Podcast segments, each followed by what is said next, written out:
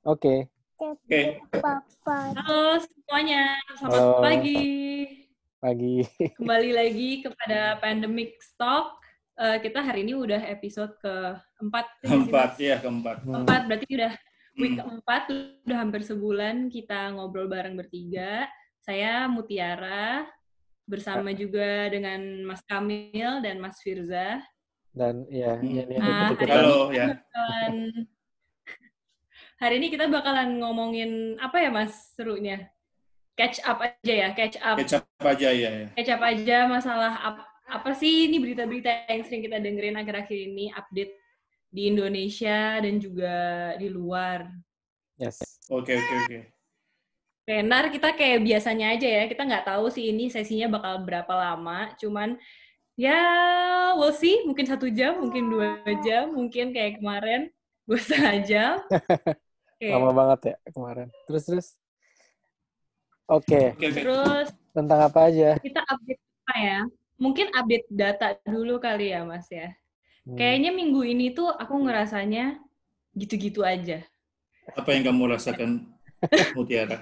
Beritanya flat-flat aja, terus ya nggak banyak apa ya, nggak banyak info baru gitu loh yang aku aku dapat dari data-data yang uh, gugus Hmm. COVID. Covid ya. Iya. Hmm. Nah terus kemarin tuh sempat si ke- uh, kepala gugus tugas COVID-19 tuh sempat mention nih kalau misalnya ada perlambatan pertambahan kasus di Jakarta. Hmm. Itu Mas Kamil sama Mas Firza setuju nggak sama statement? Kamil dulu, kamil dulu. Ada perlambatan penambahan kasus. Menurutku, eh maaf ya, menurutku tidak tidak sepenuhnya benar, atau sangat sedikit benarnya daripada nggak benar. Kita nggak bisa nentuin benar atau salah karena emang datanya kita nggak bisa tahu yang benar yang mana gitu. Bingung kan? Iya bingung kan. Jadi eh, Tapi yang, yang dia omongin ada penurunan kasus itu cuma dalam satu hari aja atau dalam beberapa hari kita emang udah ada penurunan sih sebenarnya. kalau yang dimaksud sama Um, Iya. Bentar-bentar ya. Eh, Firsa dulu deh. Ini tak tak tenangkan dulu. Iya iya iya. iya. Bentar-bentar, maaf ya. Oke oke. Kalau jadi bukan cuma Jakarta, Indonesia itu juga lagi lagi turun kan, lagi lagi landai, lagi landai semua. Hmm. Eh, apa namanya dengan jadi aku nggak aku nggak perlu cek ke negara lain ya, karena kita udah paham sama teori kurvanya kan. Hmm. Eh, Beda-beda ya namanya? Mas, setiap negara. Ya, eh, kayaknya cuma di Indonesia deh. Satu bulan April ini pertumbuhannya cuma cuma 200-300 per hari. Hmm. Jadi kayak kayak flat terus selama 30 hari ini. Ternyata itu juga terjadi di, di Jakarta, makanya ada klaim bahwa alhamdulillah kalau Jakarta sudah mulai melandai. Nah, em, ternyata setelah coba-coba saya kulik dua hari kemarin tepat angkanya Jakarta naik lagi. Nah ini kalau mau diteliti lagi, ini persis seperti yang kita bicarakan minggu lalu sih. Eh, bottleneck-nya ada di mana? Lab-nya udah banyak, eh, cuma kita minggu lalu kan ber berhipotesa berdeduksi bahwa itu terjadi karena SOP-nya nggak standar kan. Nah, eh, ternyata setelah diselidiki lagi, eh, ada satu SOP dari peraturan Kemenkes bahwa seluruh ini bahasanya saya dibenerin ya. Apa Hmm. ad- jadi seluruh spesimen dari seluruh Indonesia itu harus ke- dikirim ke Jakarta dulu gitu loh. Dan itu bisa ada lag waktu plus 7 7 hari. Ya Jadi- mungkin bottleneck-nya di situ. Iya. Mungkin Jadi kalau bottleneck-nya di situ. salah tangkap, jadi spesimennya diambil. Saya orang Bali nih, saya Hmm. ngambil darah di Bali. Nah, terus itu nanti mungkin jadi dua botol gitu, satu dites di Bali, di- dites di Jakarta, atau semuanya dioper ke Jakarta, dites di Jakarta. Eh, di peraturannya sih tidak terlalu ini ya. Detail ya, nggak Tidak detail ya. terlalu Tapi teknisnya, detail ya. nggak detail teknisnya ya. sepahamku itu dari awal, dari masa eh, sering banget kan Hmm. dikritik sama banyak orang, termasuk aku juga bahas itu sentralisasi data ini maksudnya teknisnya mereka tuh gitu semua dites di lab Harus misalnya lab- sentralisasi Amil ya. iya lab di Bali Memaksakan misalnya harus sentralisasi. ya. hasilnya positif itu nggak bisa diumumin sebagai positif kalau belum dikonfirmasi sama eh, Balitbangkes Jakarta belum Hmm. iya jadi itu nggak tahu eh, tulisan positifnya atau eh, spesimennya dikirim lagi ke Jakarta gitu itu nggak ada nggak Iya, nggak ada iya. yang bisa ngungkap itu Hmm. sayangnya itu dan kita nggak pernah bisa Nggak- tahu. Ja- Jakarta itu balik bangkes itu lab sentral ya kita bilangnya ya lab sentral itu Iya. nerima ya berapa kita ya. nerima berapa dan mau pengumuman berapa dari yang diterima sebagai beneran Iya, iya. itu Ah, kita nggak bisa tahu jadi sayang banget ya jadi informasinya pending sebulanan eh sebulan semingguan semua jadi Oke. data yang hmm. itu tetap nggak nggak berubah itu jadi dari sebulan lalu yang semua orang ngeritik bahwa eh, data yang kita dapat hari ini adalah minggu lalu itu sampai sekarang nggak Hmm. berubah walaupun kapasitasnya ti- naik tapi kita nggak tahu itu ngaruh atau enggak apa namanya persentase yang dites sama yang hasil positif itu Hmm. kayaknya beda Iya. hari deh istilahnya Hmm. Mungkin bisa lag semingguan ya Amil ya malah ya. iya iya Iya, bisa Minimal seminggu ya. ya. jadi misalnya Jadi delaynya lama banget ya. iya itu dia Iya, iya. itu masih sampai Jadi sekarang di- delay terjadi. untuk dapat tesnya aja udah delay. Hmm. Terus Hmm. habis tesnya diambil, kita harus delay, ngantri, spesimen itu ngantri sampai akhirnya dites. Hmm. Setelah Iya. dites, hasilnya udah keluar, kita di delay lagi. Sampai akhirnya Hmm. eh, tes resultnya itu diumumin. Jadi berarti tiga kali delay ya. Tiga kali delay yang yang mana kalau kita buka berkas resminya BNPB sama Kemenkes itu mereka sebenarnya nggak ada standar SOP-nya setiap proses berapa hari gitu. Makanya kita sering menerka-nerka kan. Dari contohnya dari Bali ke Libankes berapa lama, dari Libankes sampai akhir- muncul hasil berapa lama. Tertundanya itu nggak jelas. Nah ini ke- kemarin ada satu dokter di Jakarta yang reply saya sih, Eh, tapi karena terlalu teknis, saya share di sini ya. Nanti minta tanggapan Muti sama Kamil ya. Boleh. Saya bacain ya. Ini, Oh. eh, ini dia reply saya karena saya komen ini kan tentang SOP nggak efisien dan apa namanya PDP-nya kok nggak nggak berkurang-kurang Kurang. nambah terus. nggak Nah, berkurang nambah ya ya ini eh, mereka komennya gini mereka lagi beliau komennya gini dokter di Jakarta Mas saya kerja di salah satu RS Jakarta Hmm. Kita anggap untuk kasus yang confirm mild itu resolusinya 14 hari ini orang teknis berarti ya di lapangan ya Hmm. jadi swab bisa negatif karena hasil swab itu keluarnya tujuh hari kebanyakan mereka di swab udah mendekati hari tujuh lalu hasil swab keluar sudah mendekati hari ke-14 dalam tanda kurung dengan hasil positif lalu dilakukan swab kedua dengan hasil kebanyakan negatif. Sebenarnya satu orang hanya meng- menghabiskan 1 sampai 2 regen swab saja Mas kalau di lapangan. Di lapangan selektif kok Mas, nggak sembarangan orang di swab.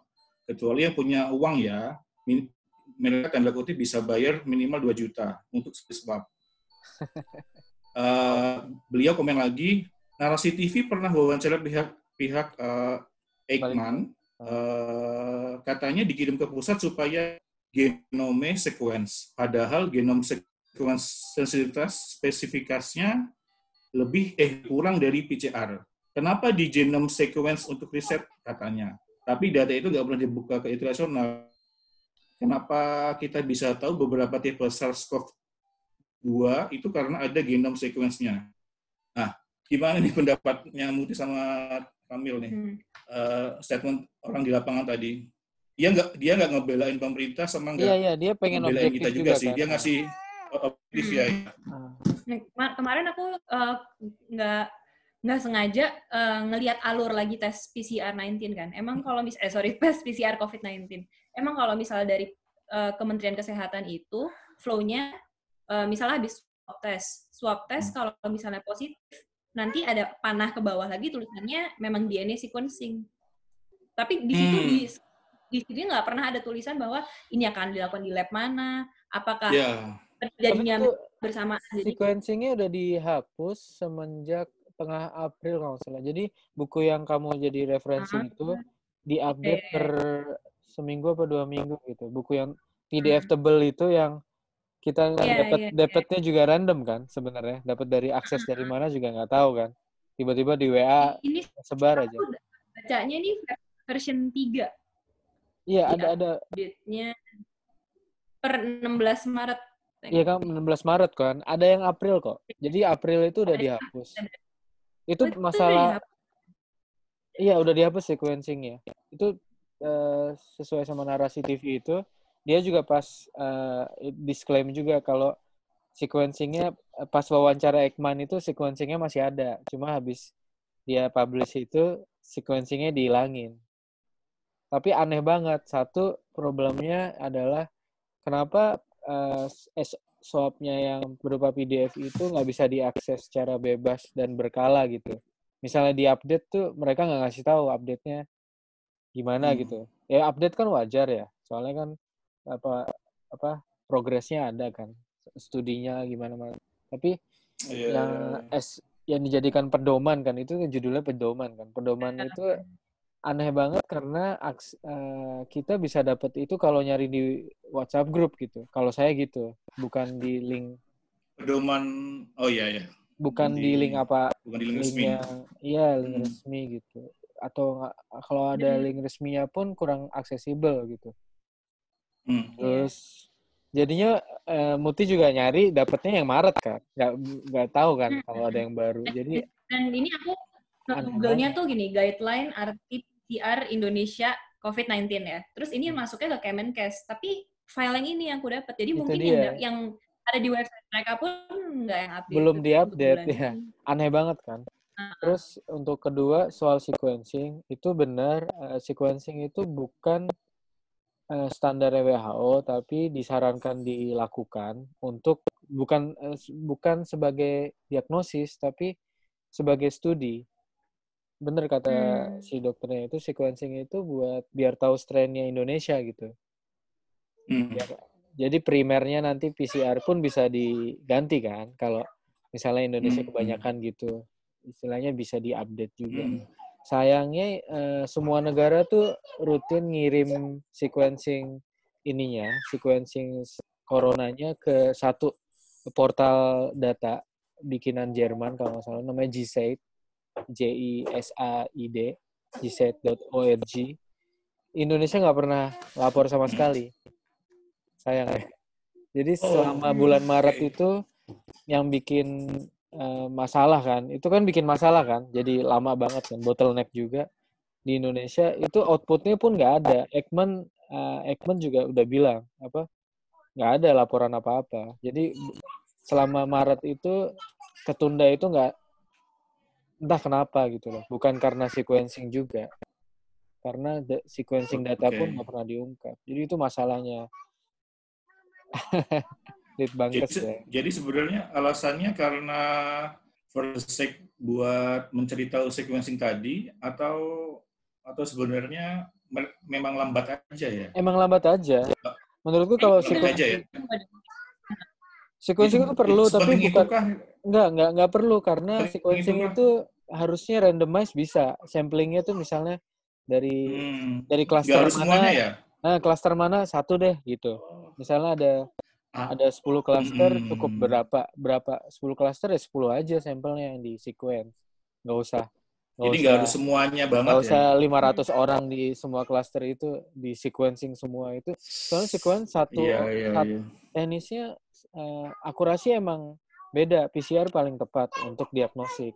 Tapi untuk Hmm. untuk tahu semua nukleo strain virus ini jadi tujuannya beda bukan diagnosis. Ini bagus. Hmm. Satu itu dua mahal banget sequencing itu. Ya nggak Mut? Apa? Hmm. Itu kan setiap DNA diperiksa gitu. Reagennya macam-macam, alatnya juga khusus. Jadi Malah nggak make sense ya? Kalau di make sense kayak kalau Kamil. di dolarin tuh 300-500 dolar per itu. Kalau Per, per orang. kan. per orang. Oh. Itu kan lebih Jadi mahal. dengan kalau itu. alasannya buat cari sequencing semahal itu per orang malah jadi boros ya. Jadi dan nggak iya dan lama bukan itu itu, kayak- juga alasannya dan lama ya. dan lama dan harus ngumpulin Hmm. berapa puluh ini baru bisa sekali. Jadi lama banget ya, Hmm. ribet. Hmm. Jadi emang nggak disarankan sama sekali. Harusnya berarti nggak harusnya sequencing bukan penyebab bottlenecknya itu ya mas ya karena kan Bukan. sequencing itu buat studi Hmm. kalau misalnya kita tes PCR itu kan buat diagnosis gitu prioritasnya pasti gitu. Hmm. Harusnya Jadi buat- kalau Iya, iya. diagnosis diberitahukan secepatnya gitu sequencing sih kalau misalnya Hmm. mau tunggu-tunggu nanti juga nggak akan nggak akan terlalu bermasalah gitu. Iya yes yes yes. nggak akan Ini- mempengaruhi juga Hmm. PDP yang terus Jadi naik buat itu juga buat tujuan untuk menanggulangi wabah itu sequencing itu komplementer Wabah. heeh.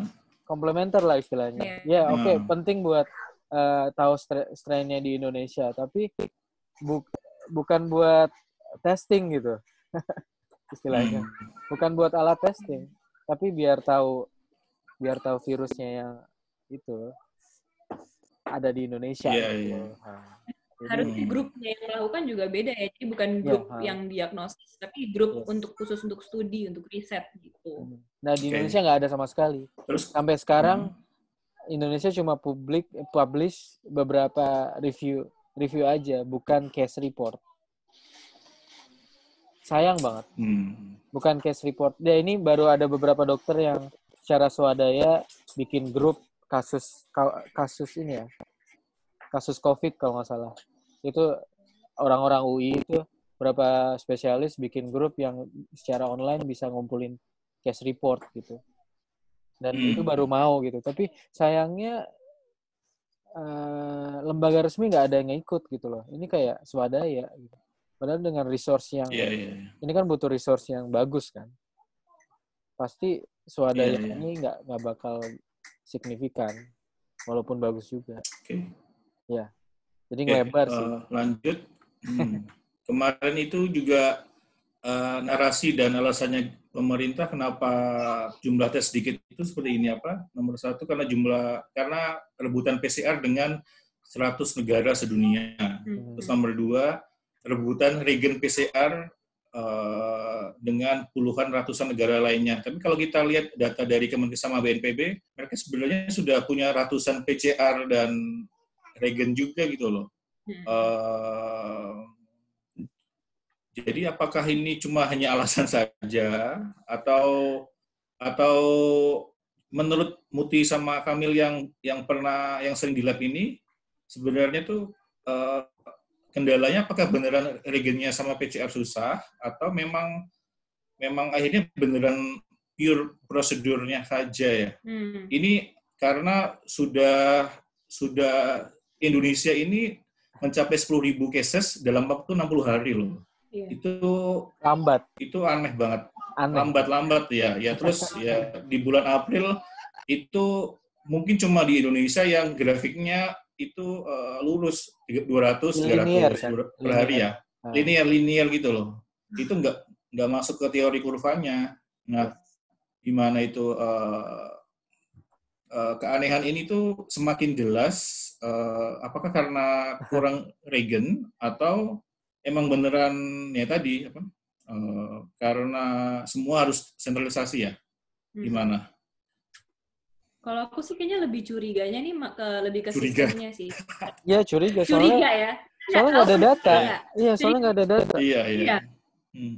Curiganya SOP-nya sih, karena sebenarnya PCR itu bukan teknik molekuler yang eh, complicated banget. Kalau Hmm. misalnya eh, mereka sudah menemukan apa eh, human resource-nya udah cukup di training sehari seminggu nggak sampai seminggu aja tuh sebenarnya udah cukup banget untuk training full ya.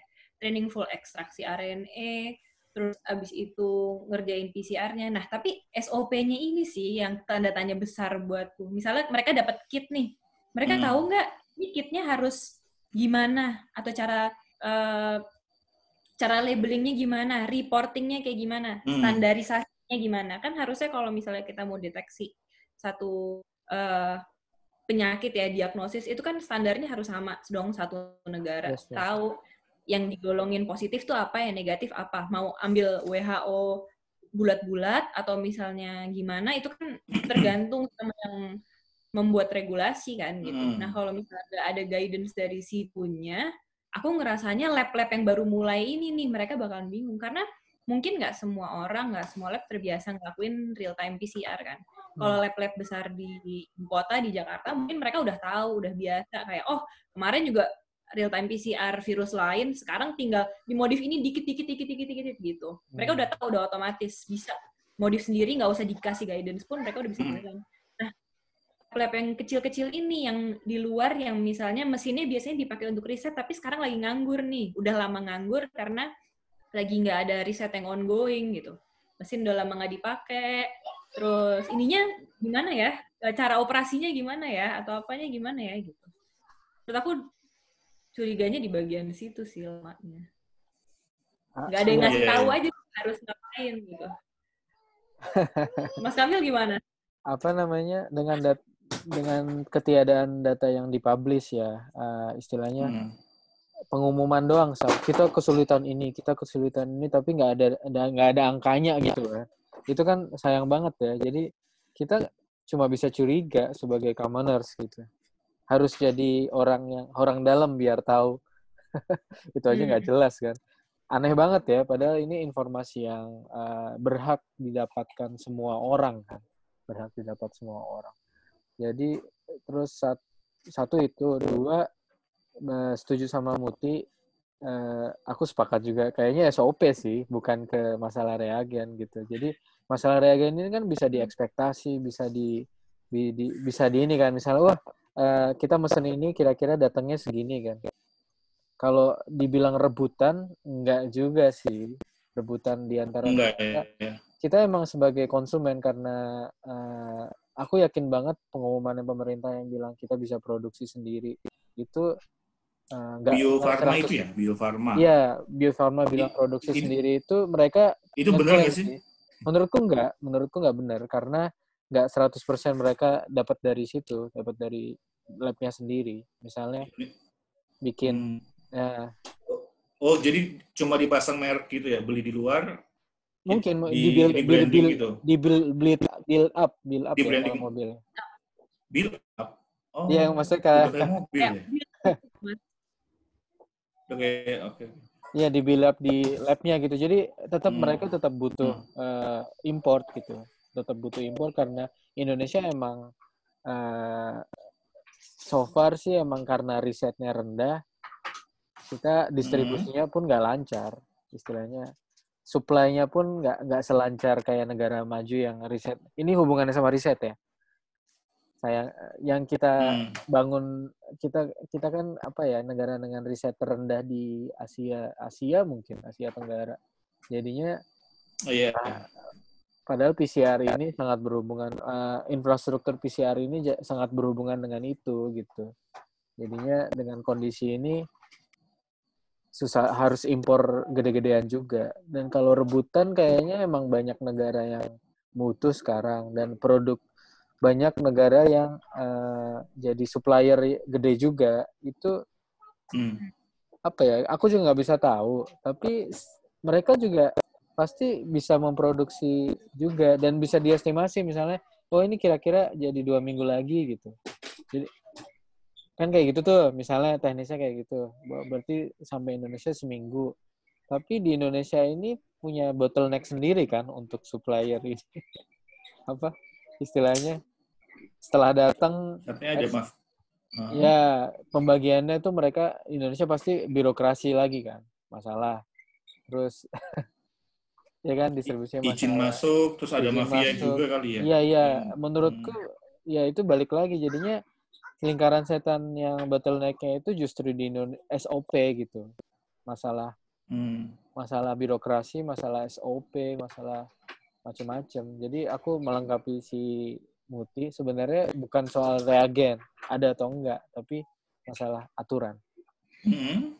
yang bikin Jadi kita ini gabungan ya, Mas.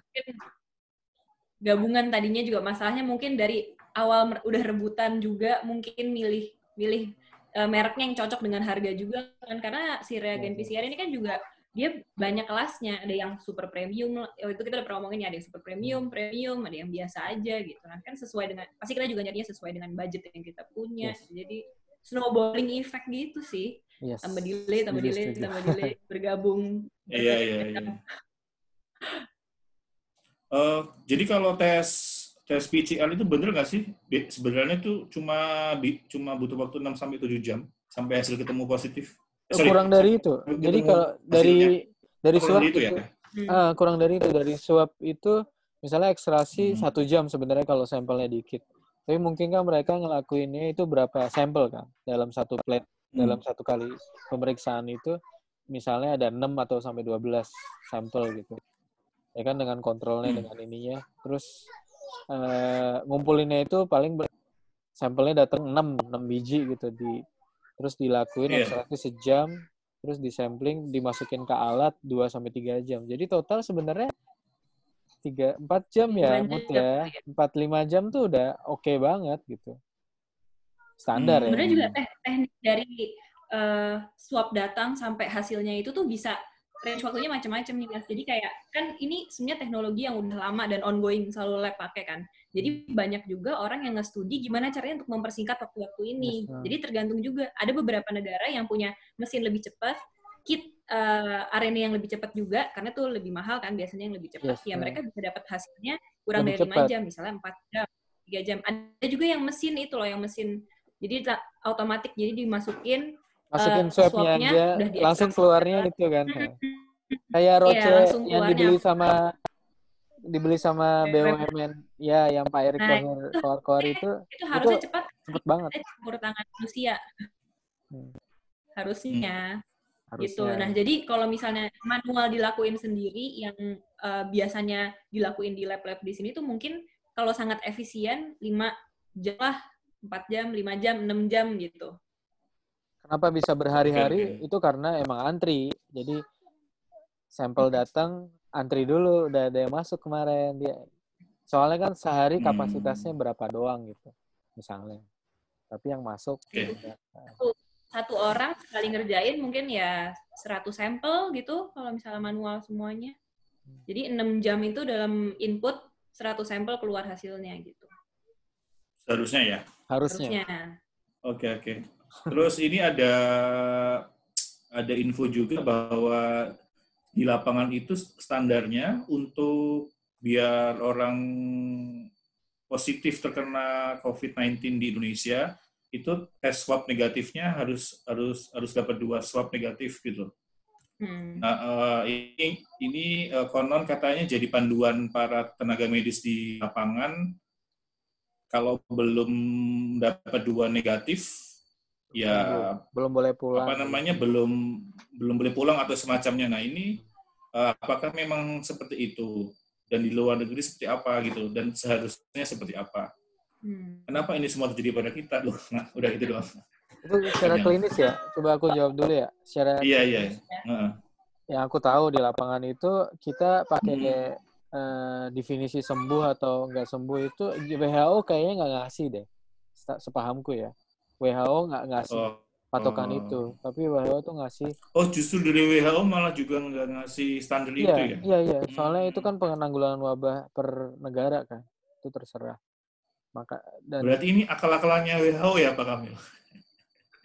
Bercanda-bercanda. terus habis itu Tolong diselidiki Pak Kamil.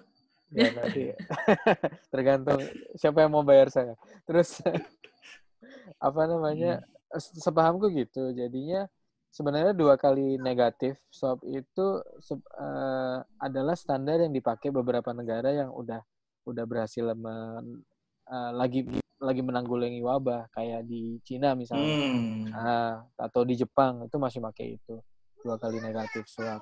Nah di Indonesia eh, mau niru siapa mau niru itu boleh atau niru sebenarnya sebenarnya bebas sebenarnya. Jadi nggak ada patokan kan. Jadi kurvanya itu kurva sembuh nggak ada kan ya? Ini nggak sih kurva word Hmm. in our data misalnya itu angka kesembuhan. karena belum diteliti Hmm. Iya soalnya standar Harus sembuhnya. Bener. Iya, angka kesembuhannya Hmm. itu emang masih ini, masih dinamis. Definisi sembuhnya itu masih nggak bisa ditentuin karena kita belum tahu COVID itu apa gitu. Ya, itu sih. Hmm. Misalnya negara Netherlands sama UK itu kan nggak nggak nggak publish ya. eh, angka sembuh Yang karena mereka- mereka Aku iya sembuh ya. ah, mereka nggak nggak ngetes orang biar sampai sembuh fokusnya nggak ke situ gitu fokusnya untuk gimana cara menanggulangi wabah dengan testing sebanyak mungkin pada orang yang dicurigai gitu kalau Hmm. dan mereka menganggap kalau udah dicurigai eh, klinis membaik ya udah pulang gitu pulang di rumah benar-benar Hmm. isolasi di Belanda gitu kan disclaimernya Hmm. nah di Nah, Indonesia kalau itu Hah? eh, ya apa-apa. di Indonesia itu kan kita pakai dua kali ya, di- swab di- itu aku Nah, gimana so, lanjutin dulu lanjutin Iya, dulu, iya, lanjutin dulu. di Indonesia itu kan eh, kita pakai dua kali swab ya dua kali swab negatif baru dua kali swab keluar hasilnya negatif baru dinyatakan sembuh lah aku kok lihatnya itu tren di lapangan itu fokusnya untuk untuk ngetes terus biar sembuh, Sembuh, ya? caranya gitu Hmm. padahal yang butuh dites tuh bukan yang udah sembuh Hmm. ya menurutku begitu yang ya asumsiku yang begitu. ditenggai sakit ya. Iya. Jadi ada ya. ada temen yang dia ot, ot, apa OTG ya, pasien yang tidak bersimptoms, Eh, orang tanpa gejala. Jadi mereka udah positif COVID swab. Nah ini mereka lagi nunggu untuk negatif nih sekarang jadinya ya. Ada yang satu keluarga, jadi mereka tes swab dan itu jarak dari satu tes swab ke tes lainnya itu bisa dua hari, bisa sehari loh. terus ada- Tapi di swasta. Tapi di swasta ya. Eh, nah itunya aku nggak nanya sih. Coba nanti Iya. tanya. kayak Dan jarak jarak ayah ayahku kan positif juga ayahku kan Hmm. positif Hmm. sekarang udah negatif itu di total tes lima kali dia Lima kali. lima Hmm. kali emang dia dokter iya dia kerja di rumah sakit tapi apa pantas dia nggak ada gejala sama sekali tapi dites lima kali karena per- pertama positif gitu Oh. terus yang Berarti kedua di Indonesia juga ada kesa- ada kesalahkaprahan karena Iya, iya, ada istilah baru OTG itu juga ya. Orang-orang juga Hmm. Terus misalnya si BNPB itu eh, pengumuman kalau 60% gugus tugas atau BNPB siapa itu itu ya jadi BNPB itu eh, ngumumin kan kalau eh, 60% orang yang positif di Indonesia itu tidak ada gejala gitu. Berarti ini jadi lucu kan. Mereka ini sebenarnya ngetes siapa sih? ngetes OTG apa PDP sih? Hmm. Iya, jadi aneh kan. Eh, pengumuman itu jadi kayak rancu gitu. Sebenarnya yang dites sama orang Indonesia itu eh, sama pihak pemerintah itu siapa gitu. Harusnya kan PDP yang butuh kan, mereka positif atau enggak gitu. Ya, aku jadi jadi rancu banget istilah. Jadi sebenarnya problemnya satu tadi SOP-nya kita ini nggak ideal buat kondisi Indonesia dengan kapasitas rendah harusnya kita lebih eh, harus memilih prioritas siapa yang dites. Dua lebih eh, strict dalam lockdownnya gitu. PSBB-nya harus harus lebih kuat gitu. Itu. Jadi tapi yang terjadi nggak tahu. Kok beda gitu.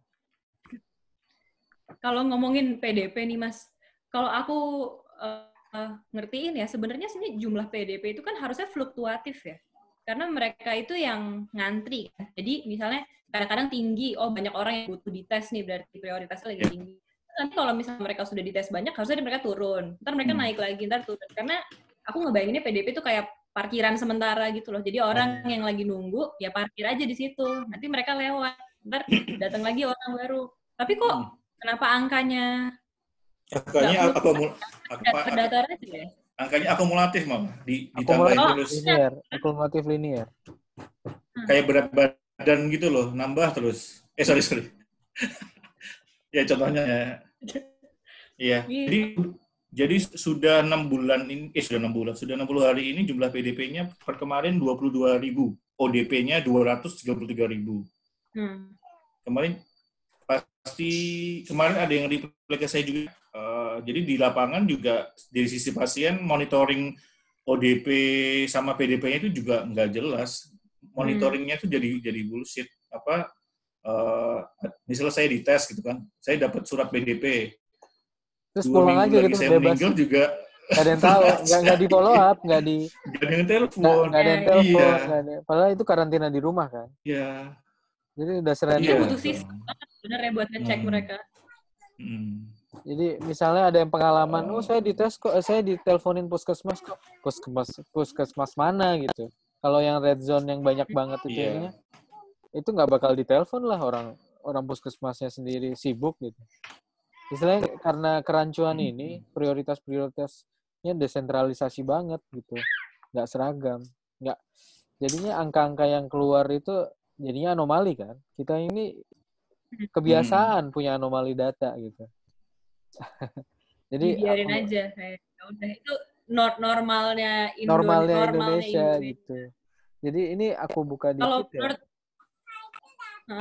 Apa namanya? Di Indonesia kan emang ya, kalian nanya dong Mas. Kalau menurut Mas Kamil sama Mas Firza, kalian nambahin ya ntar. Itu kalau PDP harusnya angkanya kayak gimana sih? Logikanya sih gini ya. Eh, logikanya ya. eh, kemarin itu kan PDP-nya 21 ribu. Hmm. 22 ribu atau 21 ribu. Eh, sorry, tempo hari dua hari lalu itu 21 ribuan. Kemarin itu yang meninggal 800 ribu. Harusnya kan minimal PDP itu dikurangi kemarin 800, ribu, 800 orang, bukan ribu, 800 orang yang meninggal gitu loh. Jadi benar Muti tadi apa eh, harus eh, harusnya per hari ini kemarin 22 ribu dikurangi 800 yang meninggal kemarin gitu loh. Hmm. Oh, habis itu nanti tambah lagi itu itu kalau mereka konsisten dengan pembagian PDP, ODP sama eh, OTG-nya gitu loh. Jadi se- seharusnya ada tabel khusus lagi yang menjelaskan, benar Emil ya, yang menjelaskan eh, eh, keluar masuknya in out-nya Hmm. dari dari OTG ke ODP, ODP ke PDP, terus PDP ke meninggal gitu loh. Jadi Kita lagi-lagi benchmarking ke dekat ke ke Malaysia deh. Itu grafiknya simple dan keren gitu loh. hmm, Cases casesnya lagi-lagi- bisa dibagi, yes yes yes. ada yang ada yang aktif, ada yang non aktif, Hmm. yang di rumah sakit berapa, yang butuh ventilator berapa, Hmm. ini Nah, di atasnya ada grafik kita lagi udah melewati fase satu lah kita tadi malam si Pak Kamil repost eh, jumlah labnya dicoret pakai bolpen jadi 46 jadi 80 ini.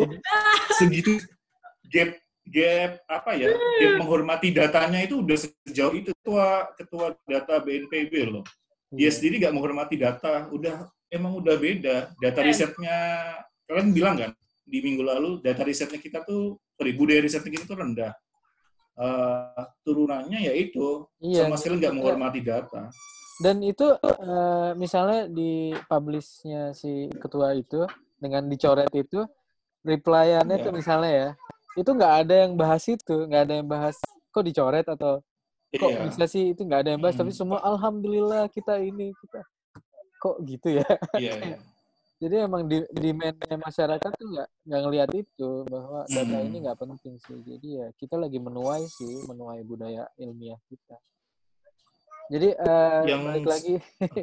balik lagi soal Hmm. penamaan itu kan emang masalah ya dari awal banyak yang kritik juga bahwa. Indonesia nggak di ID juga ngeritik bahwa OTG, ODP, PDP itu udah nggak udah nggak ideal dipakai di Indonesia. Satu emang karena di lapangan beda, dua pemerintah sendiri nggak konsisten gitu, pakai itu sebagai patokan untuk menanggulangi wabah atau dengan misalnya testing yang mana dulu nih gitu. Nah, kenapa bisa kita tahu mereka nggak konsisten? Yang tadi kan Mas Firsa sama Muti bilang bahwa eh, anomali kan data itu. ya, ya kan? Hmm. Keluarannya anomali banget. Jadi emang ini adalah bukti bahwa eh, PDP ODP ini sebenarnya udah nggak pantas kita anggap penting sebenarnya. Gak usah gak- kita cuekin aja kita acuhkan saja kan Harusnya secara nilai, secara nilai di hati kita ini kita acuhin sih. Soalnya udah nggak nggak make sense. sama- Harus. Hmm. Terus setiap hari beritanya terus OTG, PDP kayak kayak di karena ini kan. diulang-ulang kali jadi tambah, tambah sebel gitu ngedengerinnya kayak emang nggak ada data lain mau dikasih gitu nggak ada. Gak ada analisa Angka- data dan analisa lainnya Iya. Harusnya kan keren tambah aja kan. Kompleks tambah dianalisa lebih dalam lagi Nah. dong gitu masa sama-sama aja sih variabelnya dari awal iya iya Seolah-olah Eh, ini kita pada pada ribut gitu. OTG ah. ini berapa, OTG berapa. Hmm. Padahal itu nggak make sense gitu. Ngapain ributin hal yang Iya. sebenarnya ya.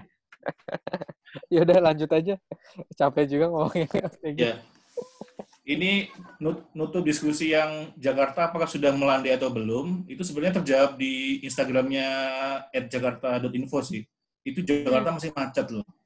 Iya, iya, iya. Di jalan tol masih macet kan. Eh, dan berita itu nggak pernah muncul di di media besar, itu melalui apa eh, Media Instagram, indie. Instagram kan, Instagram Indie. story, Hmm. media indie ya iya ya. Dan setiap Jadi eh, aku bilang ya setiap share perasaannya orang-orang kan. Kok Jakarta gini-gini aja gitu. sering kan, sering banget kan. Iya. Nggak nggak ada bedanya. PSBB sih opini saya pribadi sih belum berhasil dan nggak maksimal di Jakarta ya, apalagi di daerah. Oke. Oke, bisa ke diskusi selanjutnya. Oke. Ini apa ini? Nih, aku pengen nanya sih. Aku juga sebenarnya lagi mikir-mikir. Mungkin lebih ke Mas Kamil kali ya. Kan aku kemarin Hmm. nonton TV, lagi-lagi nonton TV nih, dengar berita OTG, ODP, lalala, terus dikasih tahu bahwa eh, tingkat kematiannya, jadi golongan kematiannya menurut umur eh, itu berapa aja. Yang bikin aku surprise adalah dinyatakan bahwa eh, kematian yang diakibatkan oleh COVID untuk usia 30 sampai 59 di Indonesia itu jumlahnya 364. Tinggi ya. Itu lebih tinggi daripada golongan yang usianya 60 sampai 79. Nah, kalau orang yang 60 sampai 79 itu 311. Jadi beda tipis ya sama yang masih muda-muda ini yang 30 sampai 59 ke atas. Yang lebih aneh lagi, eh, orang-orang yang berusia 80 ke atas ada. itu eh, kematiannya malah rendah banget. Rendah sama rendah kayak anak-anak. Jadi cuma 20-an gitu. Ini sesuatu hal yang nggak dilihat di negara-negara lain loh. Bener-bener.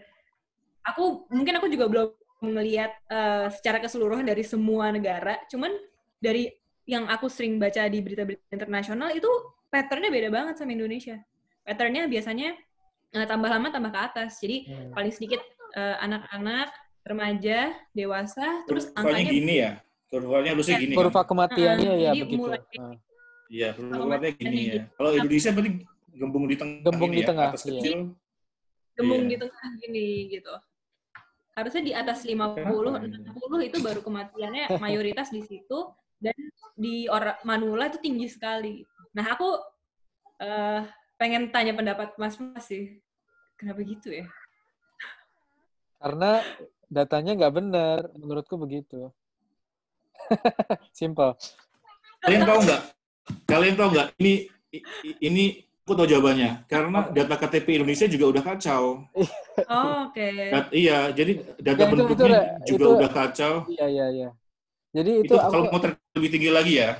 eh, jadi emang kita tuh punya juga ya. punya bukti-bukti bahwa Indonesia ini selalu punya anomali data di semua hal. Mungkin di sensus aku nggak tahu. Eh, di penyakit-penyakit lain gitu misalnya, aku kan di bedah saraf itu epilepsi misalnya. Ini contoh ya. Minta mama. Minta mama. Bentar.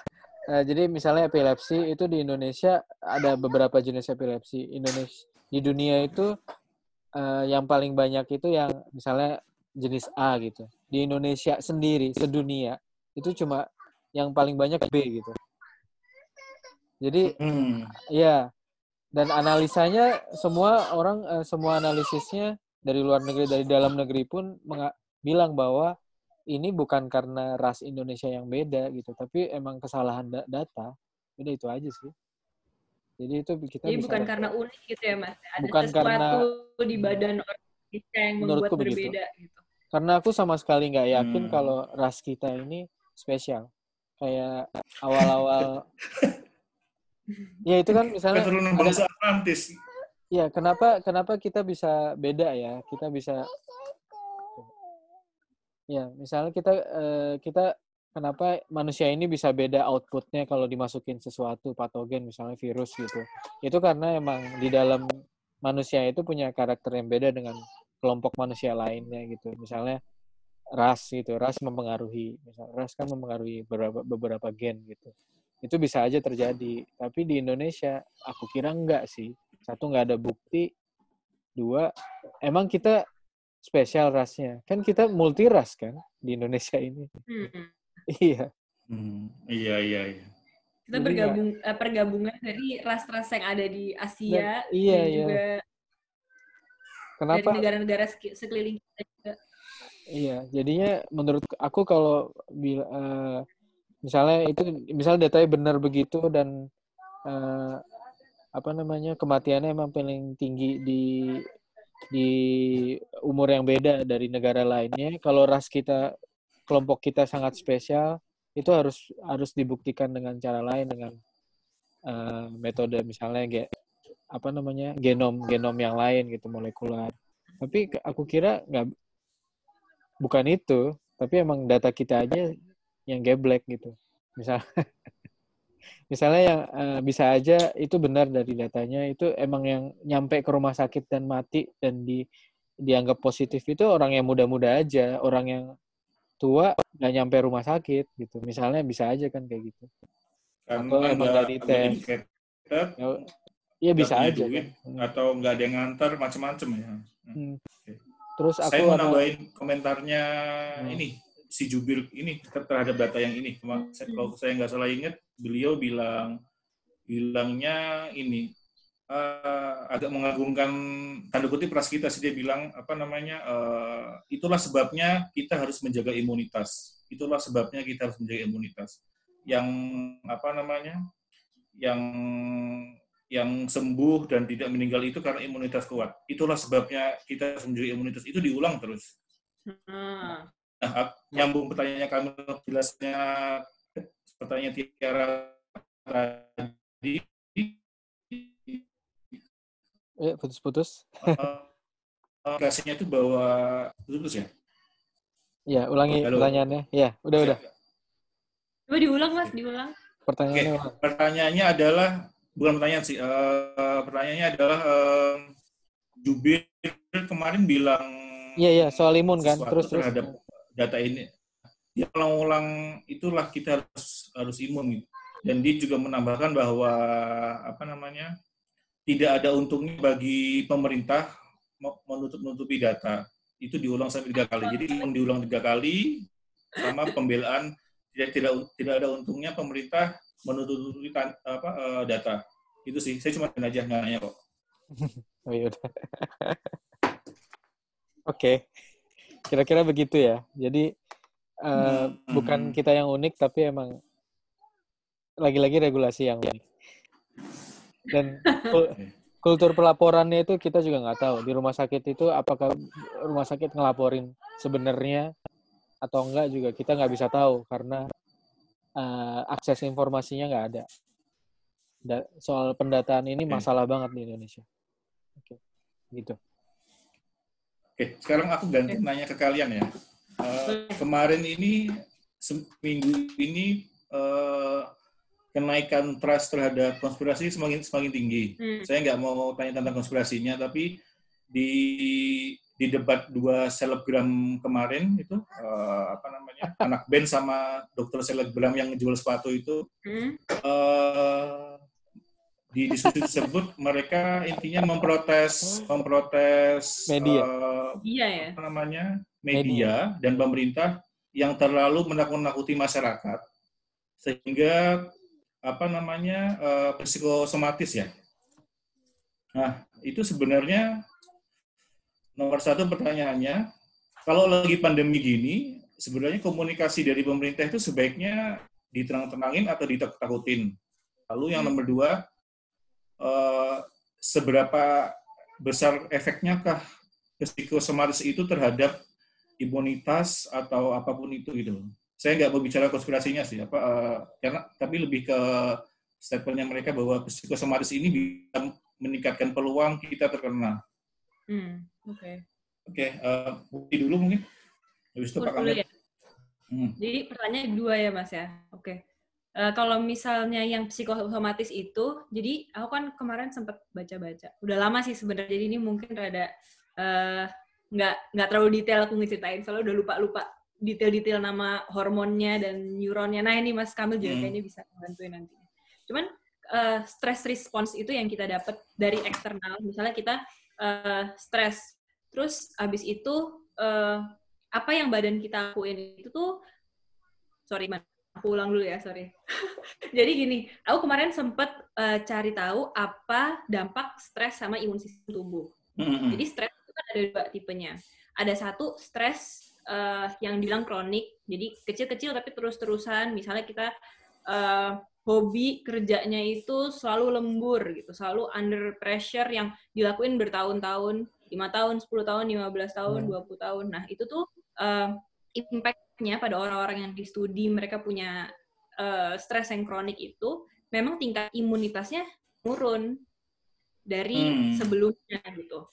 Nah, tapi kalau misalnya orang, misalnya dia gini, kita ke hutan nih, kita ke hutan, terus kita tiba-tiba ketemu beruang, kita lari, kan kita tuh deg-degan juga kan itu. Itu juga salah satu uh, respon stres, tapi itu namanya stres akut gitu. Jadi bukan sesuatu yang kita rasain setiap hari, setiap saat, um, bisa menyebabkan kita uh, imunnya berturun gitu. Jadi kalau misalnya yang akut ini, uh, kalau misalnya tidak kita rasakan setiap hari, itu tidak akan terlalu berpengaruh pada imun sistem. Nah, tapi di studi stres uh, kronik ini juga dilihatnya efeknya setelah bertahun-tahun gitu. Nah, kita ini kan sebenarnya oh, sorry, ada... bertahun-tahun. Hmm, jadi dia ngelihat grup orang yang uh, selalu apa ya, yang day to day activity-nya itu ya, ya. mereka stressful hmm. gitu, yang hmm. banyak pressure-nya. Nah, dari studi ini sebenarnya dilihat bahwa efek stres ke imun sistem itu ada tapi mungkin jaraknya nggak secepat yang kita pikirkan gitu dan imun tingkat imun sistem juga kan dipengaruhi sama beberapa hal lain yang nggak cuma sama stres aja gitu kalau misalnya hmm. dia klaim bahwa berita-berita uh, di media itu stressful dan menurunkan imun menurut aku nggak terlalu relevan sih karena ya itu dia covid baru ada tuh eh, empat uh, bulan ya kalau misalnya memang tensinya kamu stres stress management kamu nggak bagus, kan sebenarnya apa pun yang terjadi kamu bakal stres ya.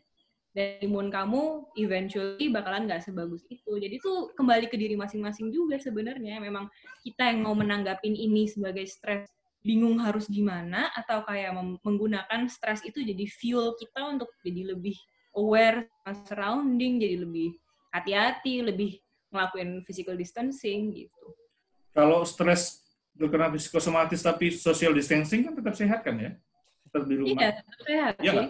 Iya nggak? Iya. Iya nggak? Uh, Oke. Uh, ya mungkin di rumah akan ngerasain demam dikit atau bukan atau apa. Cuman ya, ya, ya maksudnya apa, apa ya. Asal di rumah aman ya. apa-apa. Iya. Tapi mungkin nggak akan butuh hmm. sampai ventilator juga gitu. Iya. Kenapa yes. mereka diskusinya ke jauh ya? Iya, yes, ya, diskusinya nggak make sense sih. Jadi Lucu. Oh, iya. oh kalau itu ya. Kalau itu iya. Enggak, ya, ya, maksudnya iya aku setuju banget sama Muti. Emang ah, nggak uh, bisa di dikorelasikan bahwa media itu adalah media sama pemerintah itu lebay jadinya orang ya gitu gitulah. Menurut kita kurang ya.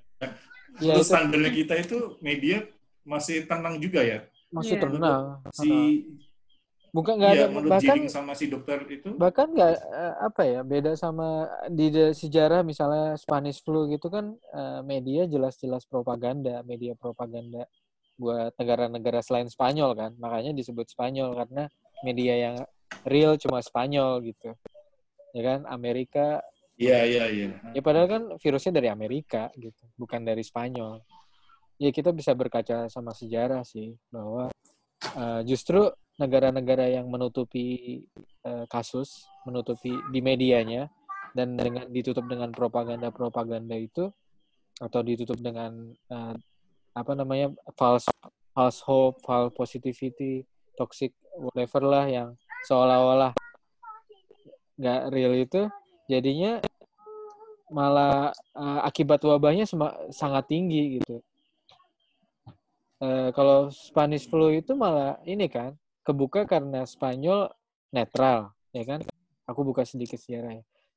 Spanyol itu netral terhadap Perang Dunia Satu, jadinya mereka yang satu-satunya negara yang yang publikasi bahwa ada penyakit nih yang bisa bikin mati gitu. Itali nggak ngumumin itu, padahal Di Itali Hmm. korbannya banyak banget gitu.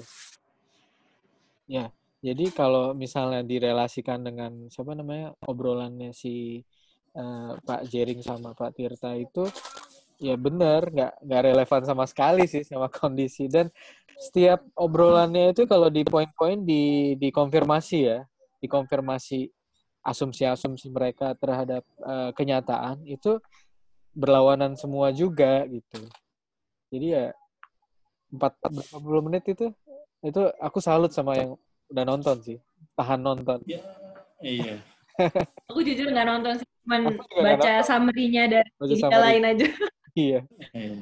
dan apa obrolannya Pak Deddy Corbuzier sama Yonglex ya Itu obrolan sih. Iya obrolannya itu juga sangat penuh dengan asumsi yang bahkan udah ada yang nyari ini kan, udah ada yang di Tirto ya, udah ada yang nyari satu-satu kan, udah repot Iya. banget nyari nyari pemben- Hmm. apa faktanya gimana itu bertentangan semua bahwa Mm-mm. Iya. dasar dari te- apa asumsi bahwa teori konspirasi di otak mereka itu tidak ada da- dasar-dasarnya itu eh, tidak sesuai dengan fakta semua.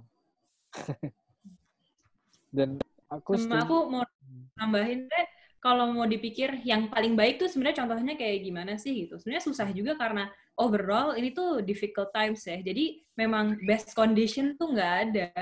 Best condition tuh nggak ada. Pasti akan ada mau sebaik apa pun eh, cara komunikasinya media, cara komunikasinya negara itu pasti akan ada yang nggak setuju. Nah ini aku sadar itu pas gara-gara ngelihat berita di Jerman. Jadi aku akhir ngerasa overall gimana si Angela Merkel dan pemerintahnya ngurus COVID-19 itu kan perlu diacungin jempol banget ya. Aku eh, suka banget sama approach-nya mereka yang eh, gamblang, mau ngomong data as it is, mau ngomong tentang science as it is, dan mereka beneran strict ngelakuinnya. Tapi akhir-akhir ini setelah mereka eh, dibanding sama negara-negara sebelah-sebelahnya itu kan mereka tingkat kematiannya nggak terlalu tinggi ya, cuma ada beberapa ribu yang meninggal. Sedangkan negara-negara tangganya Italia apa berapa puluhan ribu gitu. Jadi mereka eh, jauh di bawah negara-negara itu. Banyak orang sekarang yang pada mulai demo. Aku ngerasanya kayak nggak- nggak tahu makasih banget sih gitu. Udah Iya, iya. udah tahu negara lo menyelamatkan sebanyak orang ini mereka tetap demo. Jadi mereka Demonya kenapa demonya itu karena mereka Sisi. Nggak nggak ngera, nggak nggak ngerasa bahwa kayak eh, Pemerintah kenapa sih melakukan hal yang pemerintahnya itu ngeblok mereka? Heeh, kenapa sih mereka tuh lockdown gitu? Kayak kenapa sih pemerintah ngelakuin lockdown kan kita jadi nggak bisa ngelakuin banyak hal, kita nggak bisa ada freedom untuk ngelakuin apa yang kita mau, kita nggak Oh, bisa sama kayak Amerika ya. Iya, vibe-nya kita sama. jadi ada rugi secara financially. Sama kok Mereka negara kaum yang tidak bersyukur. Banyak negara maju juga gitu. Jepang juga sangat dikritik pemerintah. Iya. Tapi emang Hmm. Jepang juga eh, mengakui, pemerintah langsung ngakuin kalau ada hal-hal yang eh, mereka telat atau apa. Ini banget dinamis juga. Negara lain juga kok banyak yang kayak gitu. Yang rada-rada unik Amerika sih emang karena ada masalah politik di atas jadinya keluaran di bawah juga kacau juga kan sebenarnya. Justru Iya, kayak iya. kalau kayak gini tuh negara-negara yang otoriter ya, yang rada-rada bisa ya, bisa ngatur. Hmm. Iya? Vietnam. Iya, itu Hmm. Vietnam walaupun kita nggak tahu juga itu benar atau enggak, tapi tapi sangat signifikan kan bedanya sama negara lainnya gitu. Hmm. Iya, misalnya Dibanding yang lainnya lebih liberal dan lebih demok- demokratis. Yes, yes, yes. Di Cina misalnya, eh, walaupun datanya pun eh, banyak yang bilang ini kan bahwa eh, aneh juga gitu, tapi tapi mereka udah punya sistem yang misalnya misalnya CCTV seluruh Cina gitu, ya kan? Terus satu Cina eh, s- apa namanya aplikasi messengernya WeChat kan, nggak ada aplikasi lain Iya. gitu, dilarang. Nah, jadi mereka sangat bisa nge-track kan sebenarnya dengan otoritas yang ada sebelumnya itu mereka justru bisa ngontrol lebih enak gitu. Hmm. Kebijakan-kebijakan juga strict eh, pada takut juga ngelanggar gitu. Ya. Ya ini sih Memang sangat demi, demi, kebaikan bersama tuh nggak akan ada yang bisa bikin akan happy semua sih, orang sih. ya. Nggak akan nggak akan ada yang Akan ada ideal. ideal juga. Hmm, menurutku begitu. Nah di Indonesia ini nggak tahu juga juntrungannya soalnya kita niru yang mana nggak tahu. Iya. Iya, iya, Eh, aku mau nanya lagi nih. Eh, kita kita kemarin offline sempat discuss tentang ini ya, eh, death toll ya, apa eh, kematian sebenarnya yang lebih banyak. Hmm. kalau nggak salah tadi malam atau kemarin eh, WHO udah rilis eh, standar kematian yang baru ya. Iya. Tapi saya belum baca beritanya sih. Eh, intinya judulnya sih orang intinya sih jadi judulnya mendukung bahwa apa namanya eh, kategorisasi kematian itu lebih diperluas ya. Hmm. Ada yang mau komen? Muti atau Kamil? Jadi Ini ter- in terkait summary Hmm. kalau dilihat di Indonesia sebenarnya WHO itu konklusinya adalah pasien yang PDP dan meninggal itu harus dimasukin ke data juga data kematian COVID. Jadi pasien PDP yang meninggal. Hmm. pasien, Pasien jadi kan dengan itu gejala pasien kan mereka bilangnya. Jadi kalau di Indonesia berarti kalau ngikutin WHO itu harusnya eh, jumlah kematian itu nggak cuma yang positif tapi yang positif dan PDP. Gitu. Kalau untuk komentarnya tuh gimana ya? Mungkin kalau misalnya untuk Indonesia sih tapi PDP dihitung nggak sih di sini juga? Jadi kayak Mereka kita- nge-track nggak sih PDP meninggal berapa Kalau- gitu? kalau kita berkaca sama ini kan, apa namanya Spanish flu ya, lagi-lagi kita nyontohin corona sama Spanish flu karena paling mirip kan. Pandemik yang paling wow kan, eh, yang sama kayak corona ini kan COVID-19 itu kan Spanish flu. Kalau SARS, MERS itu kan nggak terlalu pandemik ya, istilahnya nggak semuanya ini. Eh, jadi Spanish flu itu kan eh, saat itu tidak ada tidak ada metode deteksi virusnya kan. Bahkan mereka nggak tahu kalau itu virus gitu. Soalnya virus baru Hmm. ditemukan deket-deket itu. Terus jadinya mereka pakai patokan death. Patokannya ini kan, apa Hmm. namanya angka kematian aja gitu. Angka kematian dengan gejala gejala ini ini ini gitu. Jadinya yang dilaporin di tiap negara yang pas itu ngelaporkan itu ya angka kematian doang. Nah itu yang mungkin dan eh, jadinya tahu kapan selesai itunya, kapan mulai second wave, third wave-nya itu berdasarkan kematian, bukan berdasarkan eh, positif rate gitu. Jadi kayaknya WHO juga eh, karena eh, testing ini merupakan masalah di dunia karena kapasitasnya nggak bisa Hmm. se- semasif itu, jadinya mereka merekomendasikan pakai alternatif eh, data yang lain untuk meng- mengestimasi timeline-nya si wabah ini dengan kematian, dengan memasukkan yang siapa pun yang severe ini ke kematian daripada nggak dimasukin datanya pasti jadi tambah bias gitu gitu Ya memang sebenarnya kalau dipikir-pikir 100 tahun ini dalam menghadapi pandemik tuh kita nggak banyak majunya. nggak ya. banyak Kayak- maju Iya, iya. jadi Kalau Indonesia balik yang Hmm. detolnya Indonesia juga balik yang ke kan data Hah?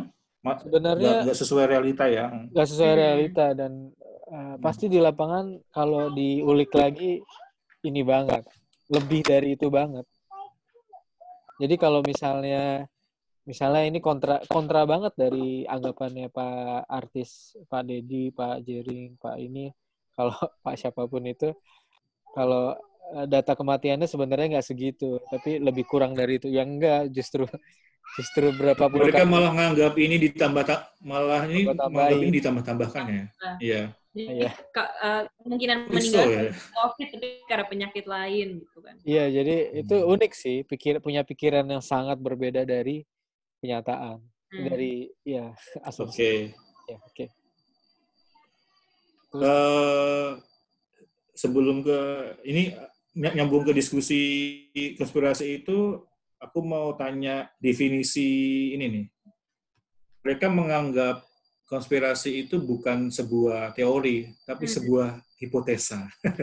I see. Eh, di di standar medical sama scientific itu hipotesa itu apakah seliar itu apa hipotesa Eh, apa namanya mereka membentengi diri kan gini eh, Hmm. ya ini memang bukan teori memang belum ada pembuktiannya tapi boleh dong kita berhipotesa gitu loh Nah, saya agak terganggu sama mereka memakai kata, kata hipotesa itu itu Iya. buat hipotesa itu tebak buah manggis gak sih? Apa sih itu kayak itu itu termnya dibikin lebih scientific aja padahal sebenarnya nggak sama Oh. sekali kalau misalnya di science dunia sains kita punya hipotesa tuh berarti kita sudah ada metode yang kita siapkan untuk metode? hipotesa itu Hmm. ya dan juga ya kita udah Iya, tahu iya. gimana caranya kita membuktikan eh, hipotesa itu maupun nanti akhirnya bener apa enggak tapi metodenya udah siap kalau cuma hipotesanya doang menurut aku nggak usah diutarakan gak sih kecuali udah punya metodenya mau, Kayak mau gimana ngecek Itu istilahnya apa ya? Bahasanya feeling atau intuisi kali ya? oh feeling iya, iya. Jadi tuh Feeling ba- Coba, ba- hmm, Feeling. feeling tuh ya. jadi Tapi kan mereka diganti di hipotesa ya. ya, biar lebih wah gitu. Hmm. Tapi sebenarnya ya artinya itu benar sih. Jadi aku punya feeling nih kayaknya Kayaknya bakal hujan malam ini. kalau saintifis secara saintifis feeling itu harus di, dicari dong, dicari backgroundnya gitu. Bukti-bukti, bukti-bukti walaupun kecil nggak apa-apa. Bukti-bukti itu dikumpulin, terus disebutin, terus benar kata Muti, habis itu harus punya harus punya bayangan metode untuk membuktikan gitu. Apakah hipotesis ini salah atau benar? Itu secara saintifik kayak gitu.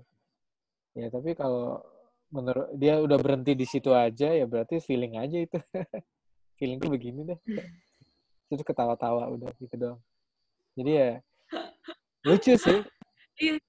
Soalnya masalah si apa sih namanya konspirasi teori ini Mas Firza juga sempat sharing sama aku ya. Jadi kayak Mas Firza eh, DM aku ngirimin tentang eh, tas ke- keji, aku nggak tahu ngomong gimana ya.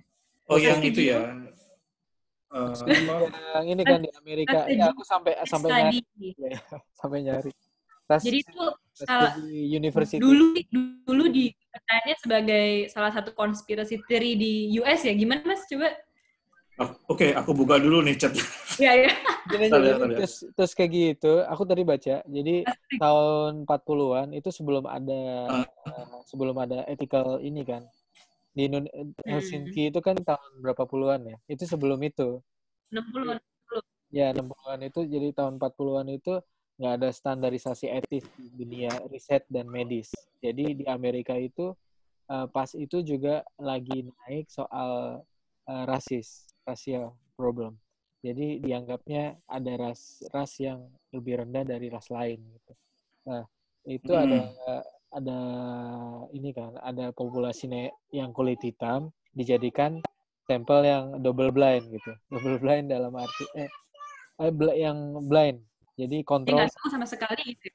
ya nggak tahu sama sekali. Mereka cuma dikasih jaminan jaminan nih kamu mau nggak masuk penelitian? Habis ini aku, aku kasih jaminan kesehatan gitu. Dan mereka kan populasi yang nggak nggak nggak bisa bayar jaminan kesehatan. Jadinya oke oke aja padahal mereka disuntikin atau di dipaparkan dengan infeksi sipilis pas itu. Pas itu kan eh, penisilin Sifilis ya. Ya sipilis Hmm. eh, apa namanya kuman kan. Eh, sipilis terus habis itu pas itu kan zaman-zaman di mana antibiotik juga baru ditemukan. Nah itu si riset itu pengen kayak uji klinis sebenarnya di tes tes KG tes KG University itu ngumpulin berapa ratus tuh. Banyak banget kok itu. Jadi neg- eh, si kulit hitamnya dibohongin gitu. Dibohongin. Itu benar-benar dibohongin. Hmm. kalau mereka nggak dipap- dipaparin terus ada kontrol terus satu yang kontrol itu nggak dikasih obat sama dibiarin. Itu kan keji kan istilahnya. Secara etis sangat-sangat melanggar. Hmm. Tapi saat itu belum pernah ada yang membahas etis sampai segitunya Iya, gitu iya, ya Mas. iya. Jadi jadi itu yang ini melakukan pun aku tidak tidak Oke. bersalah. eh, yang ber jadi nggak bersalah Aku itu Oke oke. Ini aku baca ya, baru ketemu apa ininya. Selama 40 tahun, US melakukan eksperimen kepada orang berkulit hitam dan mengira ini adalah pelayanan kesehatan gratis. yes Namun peneliti justru memberikan sipilis kepada penduduk Afro Afrika Amerika ini dan memetakan perkembangan penyakit ini tanpa menawarkan pengobatan. Wow, parah ya. iya Percobaan Tuskegee study ini awalnya dikira hanya konspirasi sampai akhirnya Bill Clinton mengakuinya pada tahun 1997. 1997. Hmm. Ini Itu Ini kalimat mungkin akhirnya dimodif sih ya Mbak Dia. iya, ini mungkin salah satu fondasi kenapa orang-orang percaya sama konspirasi ya. Yes, yes, yes. Menurutku Bisa juga. Salah satu, Tapi harus Salah satunya. sebenarnya yang membenarkan tapi harus itu jadi monumen bahwa ada et- ethical clearance gitu di dunia medis. Oh, oke. Nah, jadi setelah itu, setelah momen Tuskegee yang jadi uh, kon- ini kan, sebenarnya buat studi, buat penelitian ini bagus banget karena sampelnya gede banget, satu kelompok ras, yang satu dikasih obat, yang satu enggak gitu. Tapi keji banget kan. Nah, kejinya ini jadi plus minus karena manfaat dari antibiotiknya itu justru karena dengan mengorbankan banyak masyarakat ini jadi kelihatan. Jadi istilahnya Hmm. mereka eh, pembenaran dari para researcher dari universitasnya be- begitu. Dan di saat itu juga masalah ras kan. Jadi ras kulit hitam itu nggak ada harganya sebenarnya. Pas itu. Ya. Pas itu ya. Ya, jadi kalau mendasarkan teori konspirasi pada kondisi itu, aku kira nggak bisa se sesimpel itu sih. Kita harus lihat historinya, uh, kenapa bisa begitu dan akhirannya apa. Akhirannya jadinya uh, konferensi dunia yang memutuskan bahwa harus ada ethical informed consent istilahnya. Sekarang kan kalau Mas pengobatan di mana pun lah, di puskesmas atau di rumah sakit harus. Tanda tangan inform consent kan sebelum semua tindakan sebelum Hmm. pengobatan. Nah itu tahun itu nggak ada, Mm. tahun Tuskegee itu nggak ada. Hmm. Ah, jadi sebenarnya susah sih kalau mau teori konspirasi. Oke. Next, next gimana? Kak? Next, oke. Eh, kita masih ada dua tiga apa eh, tema pertanyaan lagi. Sebelum ke sana, saya mau share ini apa eh, balik ke data PDP tadi. Ini saya baru aja buka apa Hmm. eh, data provinsi Banten. Jadi yang dilaporkan di Kemenkes yang dilaporkan oleh Kemenkes tadi malam itu yang meninggal di Banten 41. Padahal di Banten ini grafiknya jelas nih. eh, yang meninggal tuh ada 47. Itu udah selisih 6 loh. Hmm. Ini sama Kemenkes dilaporin 41. Dan Di data Banten jelas juga ada PDP yang udah meninggal 157. Tapi for the sake of nggak tahu apa pun itu, Kemenkes cuma ngelapornya 41. Hmm. Jadi ada diskrepensi 100 orang meninggal. Itu baru satu provinsi loh. Yes. Ya. Sedih ya. Eh, sejauh itu memang apa namanya? Jadi sedih. Nah, em, selanjutnya kita ada Jadi satu lanjut ke topik ya, ada satu pertanyaan tentang tentang apakah ini hoax atau enggak, false Hmm. atau enggak. Eh, kemarin di IGTV-nya Pandemic Talks cukup banyak yang melihat dan mencari tahu tentang apa namanya false eh, gula pemecah protein antivirus COVID ya. Ini minggu lalu, minggu ini ya, ada berita baru lagi. Jadi ada dokter tentara yang membuat sebuah ramuan Insi- yang akan diproduksi Iya. insinyur eh, akan diproduksi massal berapa ribu liter untuk menyembuhkan seluruh penduduk Indonesia. Eh, menurut Pak Kamil sama Bu Muti, ini ah, jawaban di semua pertanyaan kita. Oke, dari siapa dulu nih? Dari Muti, dari Muti. ketawanya kita tahu kan artinya apa nih. Ya, ya. Putih dulu. Coba dari dari dulu yang komen. Nah. Pertanyaannya Mas, ini dia dokter-dokter medis apa Nggak tahu.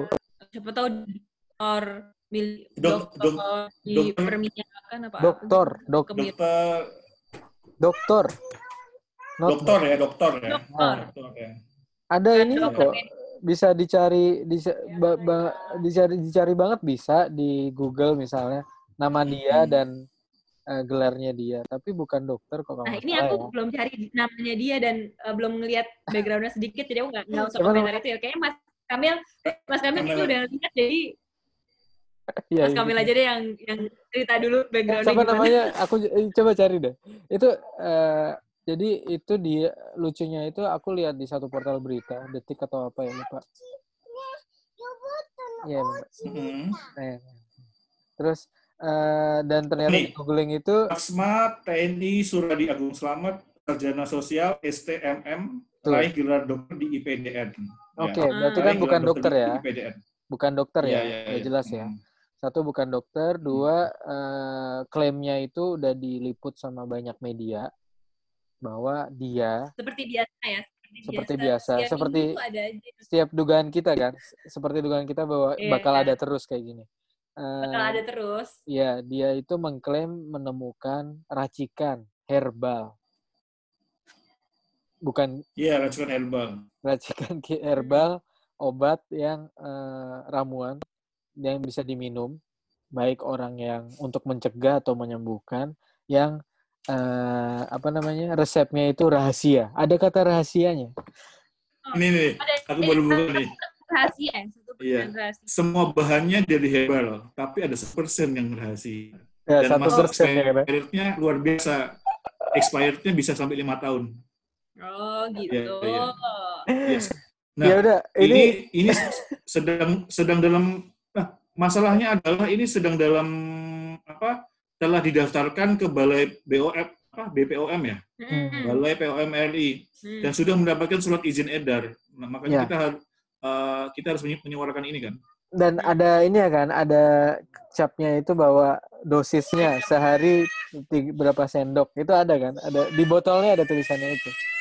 Dan oh, dia iya, iya, iya, iya, iya. mengklaim udah ribuan liter lah, berapa liter dia udah punya gitu. Jadi 1.500 liter siap diproduksi siap dan ini diproduksi. udah mau dijual memang Ya, ya dengan isi berita kayak gitu, harusnya harusnya orang udah bisa nangkep kan ini apa gitu kan. Ini kok. Tapi sayangnya se- sebagian masyarakat tetap butuh konfirmasi. Ya kan, kayak gula pemecah protein gitu kan, kayak tetap butuh konfirmasi ya walaupun pendidikannya tinggi pun tetap butuh konfirmasi bahwa Hmm. ini tuh salah kakak gitu. bahwa semua semua semua pernyataannya dia bisa sangat bisa dicari kebenaran eh, dicari pembenarannya dicari ininya. Misalnya herbal herbal itu pemah definisinya salah. Ya kan? Nggak nggak sesuai sama yang dia terangkan. Terus satu persen rahasia ya kalau mau nyelamatin manusia jangan rahasia rahasiaan dong gitu kan misalnya itu Gitu. oh iya satu persennya rahasia ya ya, Oke, dia oke. berarti kayak resep-resep FI gitu loh kayak ada ramuan rahasianya tapi ini Iya. makanan ya yang memang Ini ma- Ya, kalau bukan. makanan boleh kan mereka pengen laku gitu, pengen laku. Jadi dengan resep rahasianya restorannya biar rame. Nah ini kan konsepnya menanggulangi wabah dan yang kena dunia. Kalau dia pengen nyelamatin dunia atau Indonesia gitu, ya jangan main rahasia dong. Share ini ke ke orang lain biar orang lain bikin banyak bla bla bla bla. Jadinya semua orang sehat. Nah, bumi tidak menghadapi corona gitu. Gitu. Nyebelin deh. Nah, tentang hal itu aku eh, sampai nanya ke temenku yang orang BPOM sih sebenarnya. Ya, terus bener gak sih itu? lebih lebih pengen tahu aja sih kayak tahu kan tiap minggu tuh ada aja orang yang klaim seperti ini gitu. Kalau mereka sih selalu bilangnya oh kita lagi rapatin gitu. Kita lagi rapatin karena memang kalau misalnya ini uh, aku juga kurang tahu paham tentang herbal tapi memang proses untuk mendapatkan license herbal di BPOM itu tidak susah kalau mendapatkan license obat gitu. oh gampang ya oh, Oh, oh. jualan kalau Oh, oh. itu masalah lagi Boleh ya. mas kalau mau jual Problematika jahe apa di Indonesia juga itu ya, masalah POM itu ya. ya. Dan oh gampang emang ya itu di, di US juga seperti itu, di US seperti itu, di negara-negara lain juga. seperti Soalnya itu. ada inter- Nah. konflik of interest-nya soal bisnis juga ada. Ya jadi ya gitulah. Iya. Hmm. Dan apa sih namanya? eh, kalau menurut BPOM sih ini overclaim ya hitungannya. Jadi apa yang mereka registrasikan berbeda dengan apa yang dia jual. Kebanyakan sih kayak gitu.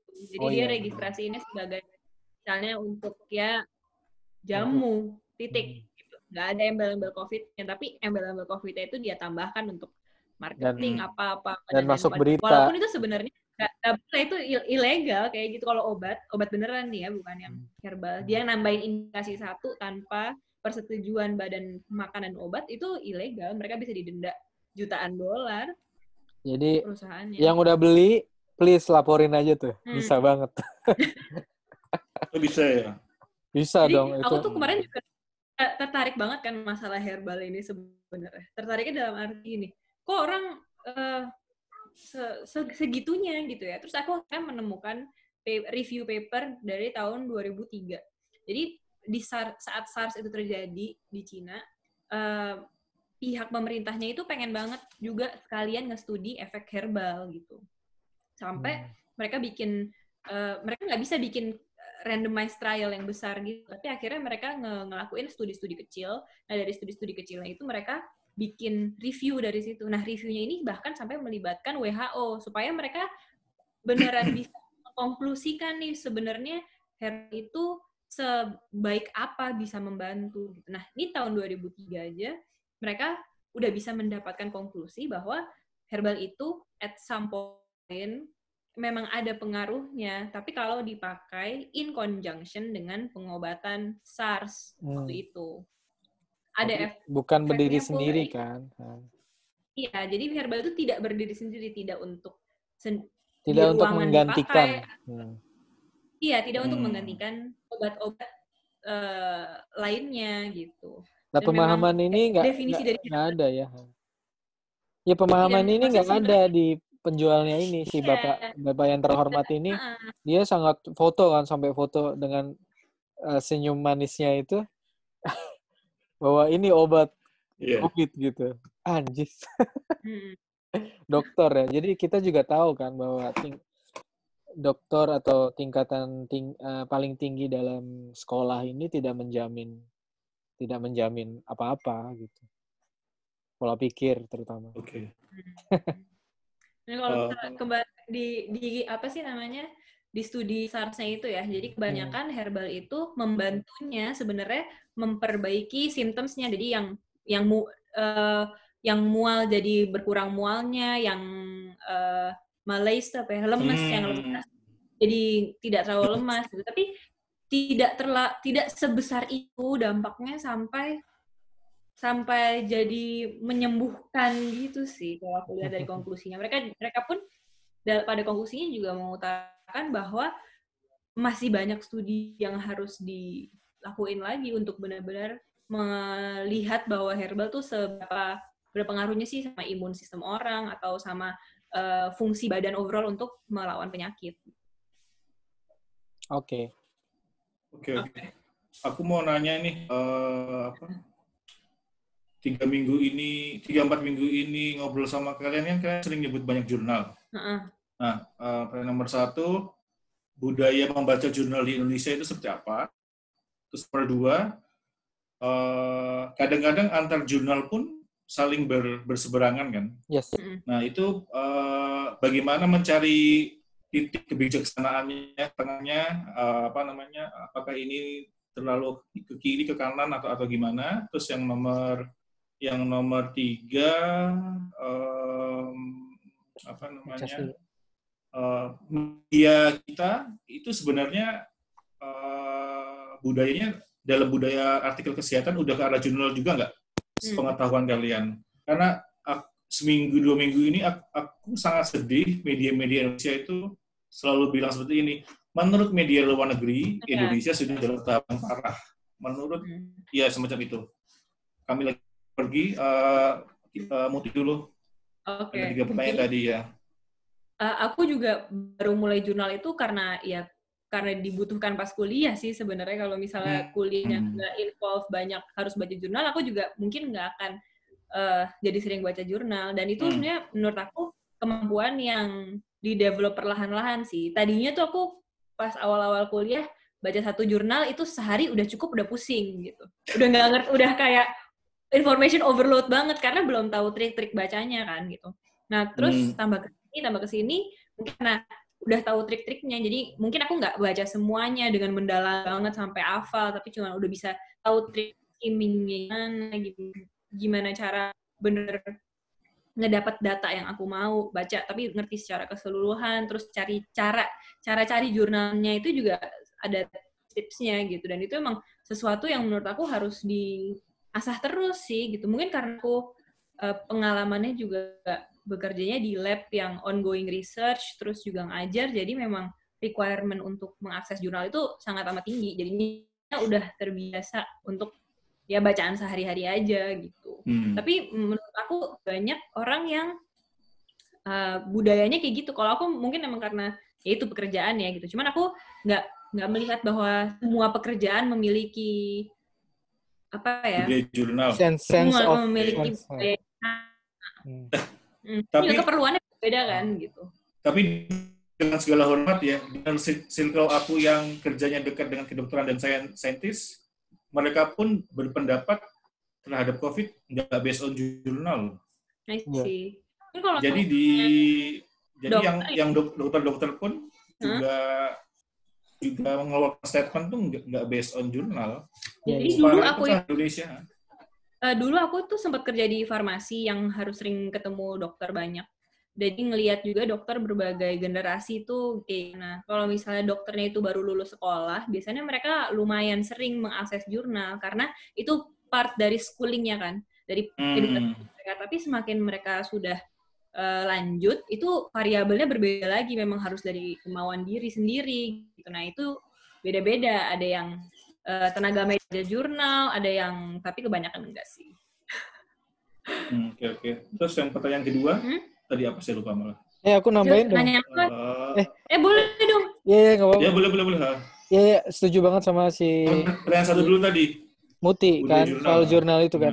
Eh, sebenarnya di Indonesia ini sa- itu merupakan salah satu problem gede banget menurutku di di pendidikan, terutama pendidikan lanjut di kuliah dan eh, apalagi postgraduate atau ya S2 S3 itu di Indonesia sangat amat problematik karena eh, ada satu ada satu teknis yang menurutku salah kaprah karena Tuhan kita namanya Scopus itu sih salah satunya. Tuhan kita namanya Scopus. Ah, Scopus pernah dengar? Scopus adalah belum belum belum. Yang meta analisis gitu. Iya, jadi misalnya litbang apa namanya Kemeris Dik- Dikti atau whatever di di Indonesia itu akreditasi Hmm. eh, patokan akreditasi kalau nembus Scopus. Kalau jurnalnya terindeks Scopus. Itu doang titik. Oh, Jadi kual- standar kualitas. Hmm. Jadi Indonesia itu akademisinya cuma punya eh, satu pandangan. Takaran jurnal itu sama dengan Scopus. Dan mereka nulis atau apa dengan Scopusnya. Oh, ris di Kemenristek ya, itu ya. Iya, Kemeristek atau ya, semua. ini semua. saya saya baru googling nih apa artikel ke atas daftar jurnal Indonesia yang terindeks Scopus. Iya. Berarti kalau kalau nggak tanda kutip nggak ada di situ itu nggak dianggap Tuhan. Eh, di Indonesia. Hah. nggak dianggap nggak dianggap. Padahal eh, Oh, dunia betul ya. dunia saintifik itu Scopus adalah cuma satu. Si Elsevier kan punya Scopus. Ya, padahal ada Hmm. clarify, ada ini impact factor, whatever. Jadi semua indeks-indeksnya itu harusnya dipakai kalau menurut di dunia kayak gitu. Tapi cuma di negara Hmm. berkembang yang cuma pakai Scopus gitu. Itu aneh banget sih. Jadi di dunia saintifik ini juga ada bukan permainan ya, ada pola-pola khusus sebenarnya. Terutama di Indonesia. Jadi kayak Hmm. pembodohan akademisi ini dengan Scopus ini sangat ini aku aku kritisi ya. Ada ada ada sisi itu. Jadi eh, itu berpengaruh sama eh, cara kita memandang sebuah artikel menurutku.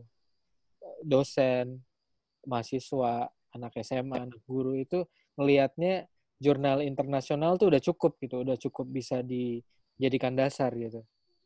Tapi bukan dilihat isinya, bu- bukan dilihat metodenya. Nah itu kembali lagi sih Hmm. ke Oh judul do. Ba- jurnal pun kayak baca kayak baca berita clickbait gitu ya. Iya, jadi doang. sebenarnya se- harus dipertimbangkan banyak kan. Oh ini ju- eh, jurnalnya apa, judulnya apa, penulisnya siapa, tahun berapa, metodenya apa. Hmm. Minimal lihat abstrak aja sebenarnya bisa bisa di bisa dinilai sih menurutku ya. Tanpa kalau mau cepet kayak gitu. bapak sebagus apa ini papernya gitu. Sebagus apa papernya Iya. sebenarnya lihat abstrak. Tapi kita ini cuma berhenti di judul dan bahasa Inggris. Udah itu aja gitu.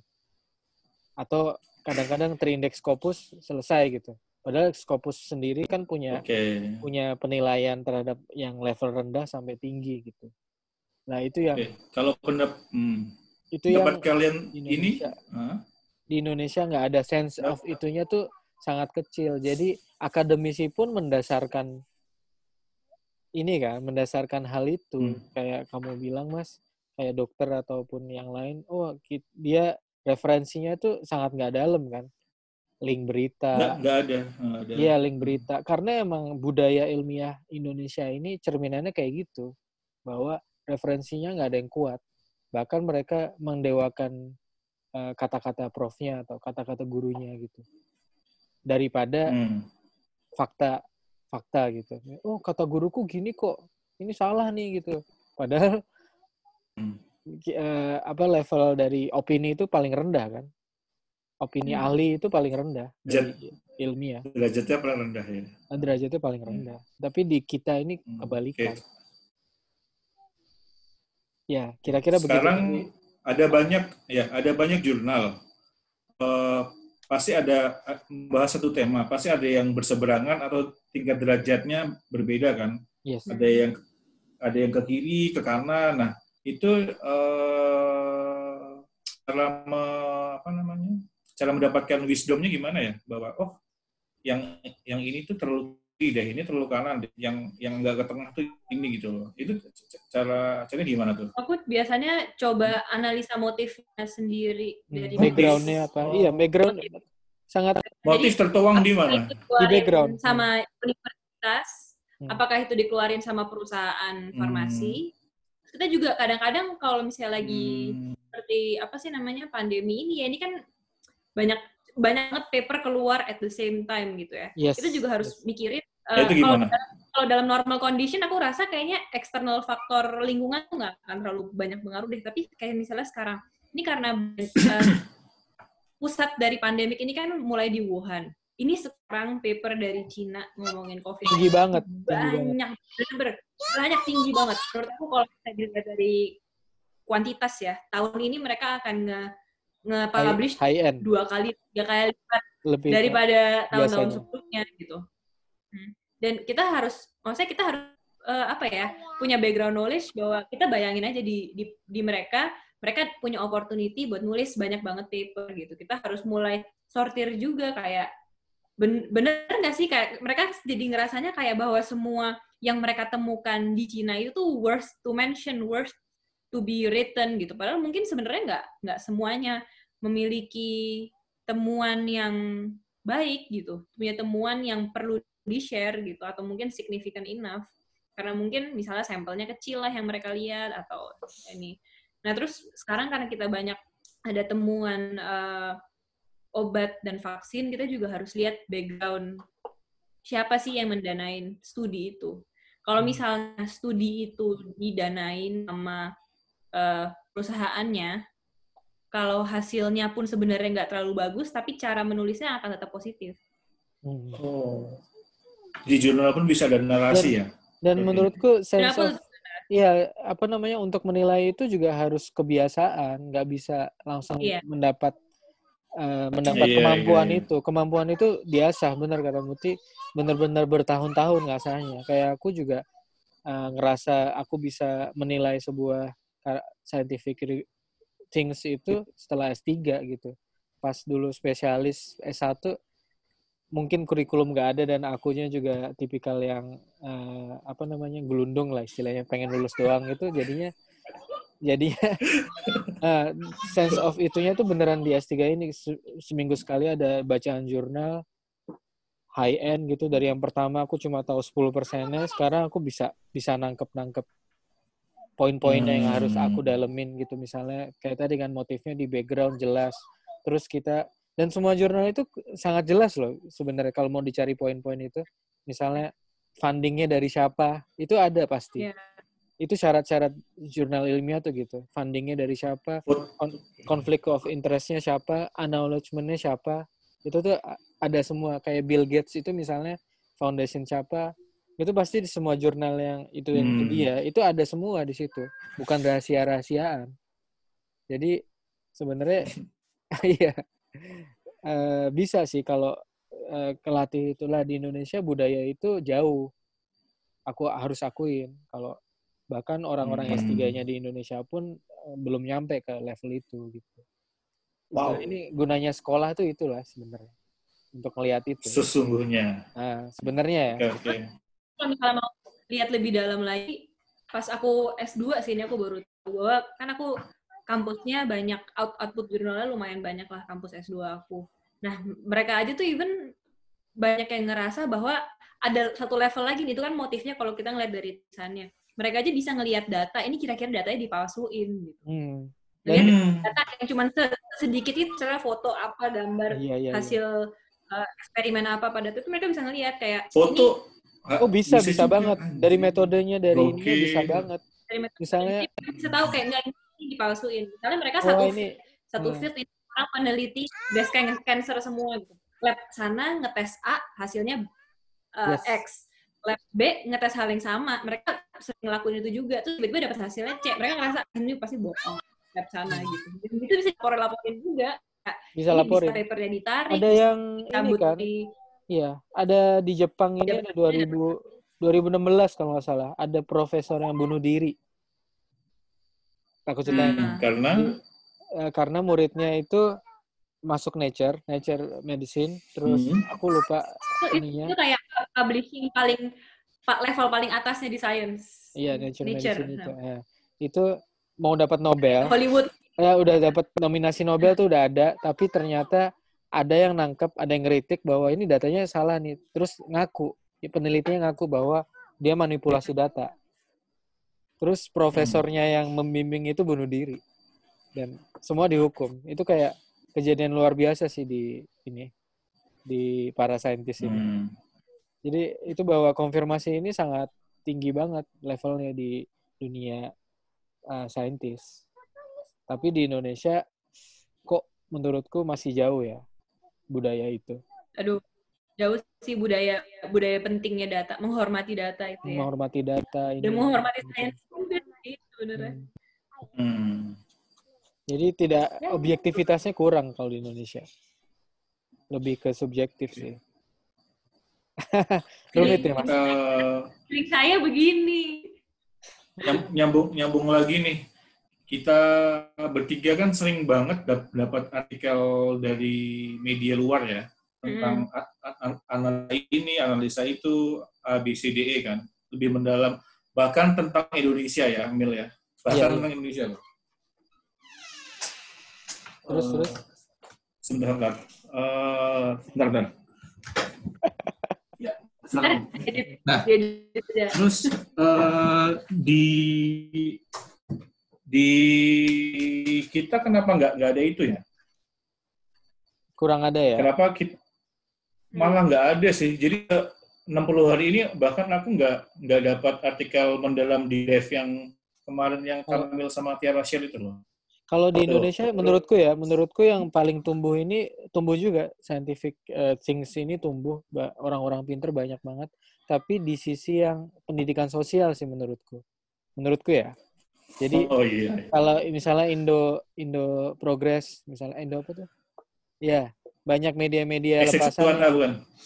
Ya, misalnya Pak eh, si Mas Raffio yang kemarin sempat ditangkap itu, dia aktivis, Iya iya. dia sosial. basicnya eh, science science juga kan tapi di bidang sosial jadi dia sangat bisa menilai statistik dari overview yang beda padahal Hmm. di wabah ini kan kita di bidang medis sebenarnya medis sama epidemiologi. Yang orang medisnya malah belum ada ya.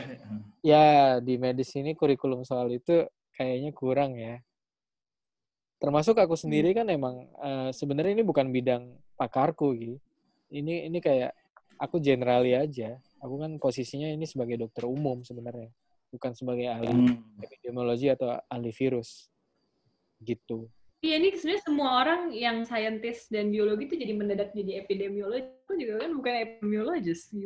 iya itu dia Jadi belajar banyak dan Iya. Tapi kalau aku ngeliat emang pattern-pattern media di Indonesia itu eh, ngikutin media internasional sih dan mencaploknya ya mencaplok sepenuhnya sampai kadang-kadang Iya title- iya iya. title-nya pun mirip gitu. Kalau misalnya habis eh, baca media internasional yang udah notable-notable banget kan apa sih CNN, BBC, New York Times gitu. Kayak judul-judulnya mereka kan pasti nyangkut tuh di Apa, kepala kita. Ntar aku baca apalah gitu. Hmm. Ya setipe-setipe aja cuman di di translate lah. Iya. Hmm. jadi kesannya kurang kuat input ya barunya gitu. Hmm. nggak ada original dari Indonesia gitu kan Di Indonesia itu yang kayak Thomas Puyo itu nggak ada ya? Ya, yang itu dia. Tok- Ada Thomas Puyo itu Pirsa. loh, yang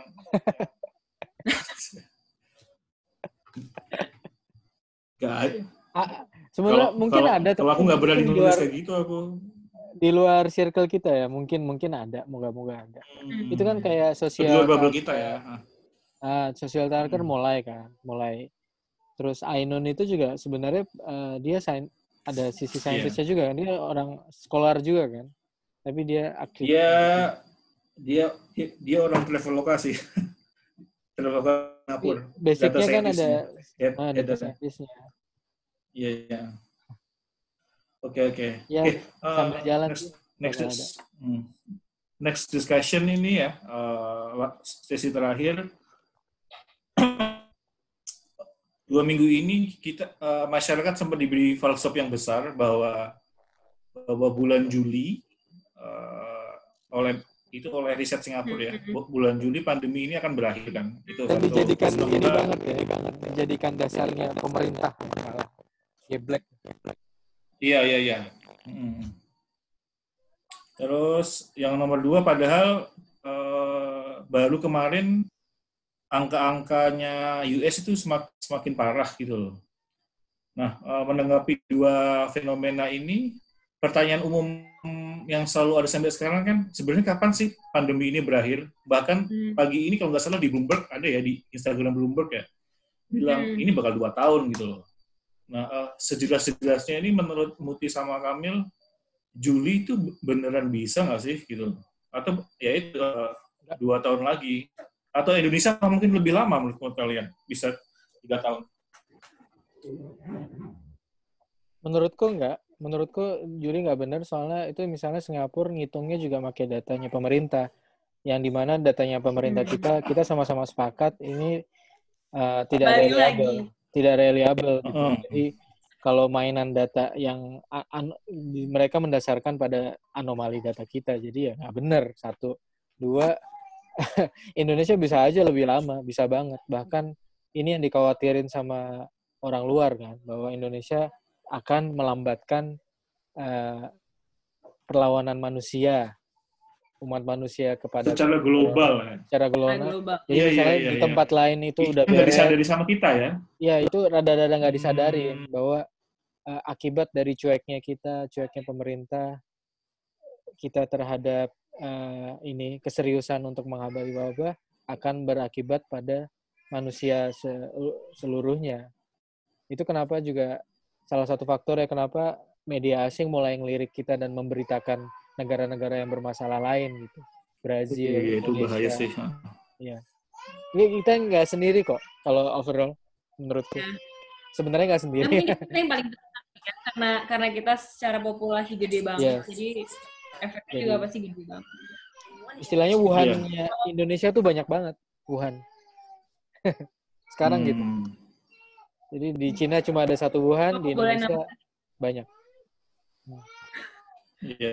Kalau aku mau nambahin, Eh, misalnya aku kan apa ya? nggak, halo, aku Ya. sebenarnya nggak terlalu paham banyak data, cuman mungkin si studi Singapura ini nggak memasukkan possibility an bisa adanya second wave, third wave dan Ah, lain-lain. iya, Jadi dia dan as it is tanpa ada eh, apa ya pertimbangan eh, sisi biologinya gitu. Sedangkan ini kan wabah-wabah wabah dari sisi medik dan biologi gitu yang sebenarnya malah datanya juga perlu keep in mind bahwa ada faktor biologinya juga yang dimasukin. Hmm. Yes. Berarti Oke. artinya Indonesia bakal lebih lama. Insya Allah. Jadi Juli tidak tetap Hmm. Juli tidak berakhir. Surprisingly, eh, lockdownnya India itu berhasil menekan death rate-nya loh. Apa Hmm. walaupun case-nya tinggi, tapi yang sampai sekarang yang meninggal hanya tanda kutip ya hanya 1000 sama death rate-nya cuma 3% gitu. Mereka Hmm. memperpanjang lock- lockdown lagi kalau nggak salah. Yes. Eh, itu hal yang di Indonesia ya. Oke. Terus eh, seminggu kemarin juga banyak beredar di Instagram sama di YouTube. eh, ini judul judul videonya How How Coronavirus Chart Can Mislead. Nah, ini Oke. buat buat beberapa pihak yang tidak sekritis kita. eh, video ini malah di malah ngebuat mereka tenang. Ngerti nggak? Oh gitu. Iya. Jadi kan, oh, tuh kan, tuh kan bener emang nggak apple to apple. Sebuah negara itu ya, eh, ya emang beda-beda gitu. Ini terjadi di Indonesia aku ya.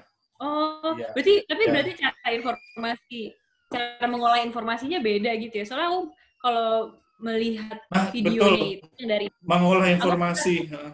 Nah, jadi mengolah informasinya beda. Aku sih kalau ngelihatnya malah kayak, oh mereka bagus ya bisa ngejelasinnya dengan sangat amat simple Oh, iya, iya, yang iya, iya. ya aku gitu. Karena aku juga Iya. kan bukan orang data gitu. Aku butuh Hmm. bantuan buat ngingetin Iya. hal-hal kecil yang aku apa ya namanya ya masukin ke analisis aku gitu. Halo. Ya. Eh, lagi habis berantem. Eh, habis ini udah kali ya. Maaf ya. Oke, oke, oke. Eh, boleh ditutup, Kak Mutiara? Oke. Hmm. Mas-mas, terima kasih sekali untuk ngobrolnya hari ini. Jadi kita hari ini ngobrolnya lumayan ngalur ngidul. Pokoknya semuanya yang menarik aja yang kita tangkap minggu ini. Ngomongin banyak tentang data, terus death rate, terus juga PD, PDP yang kok stabil-stabil aja. Terus kita ke mana lagi tadi ya? Kita Eh, yang apa namanya? Jamu, jamu. Tadi juga ada, jamu. Jamu, Iya. kita selalu mengupdate tentang perjamu-jamuan setiap minggunya. sama Ada soal aja. referensi ya tingkat referensi ya tingkat literasi ya referensi ya. Budaya Literasi, ya. budaya Ya. kita mempelajari sebuah studi dan membaca research Hmm. artikel itu juga ya. Psikosomatis juga tadi dijelasin banyak sama Iya ya. Sampean. Oke, terima kasih. Oke, jadi terima kasih semuanya. Sampai jumpa minggu depan. Ya, makasih ya. Dah, Assalamualaikum. Salam.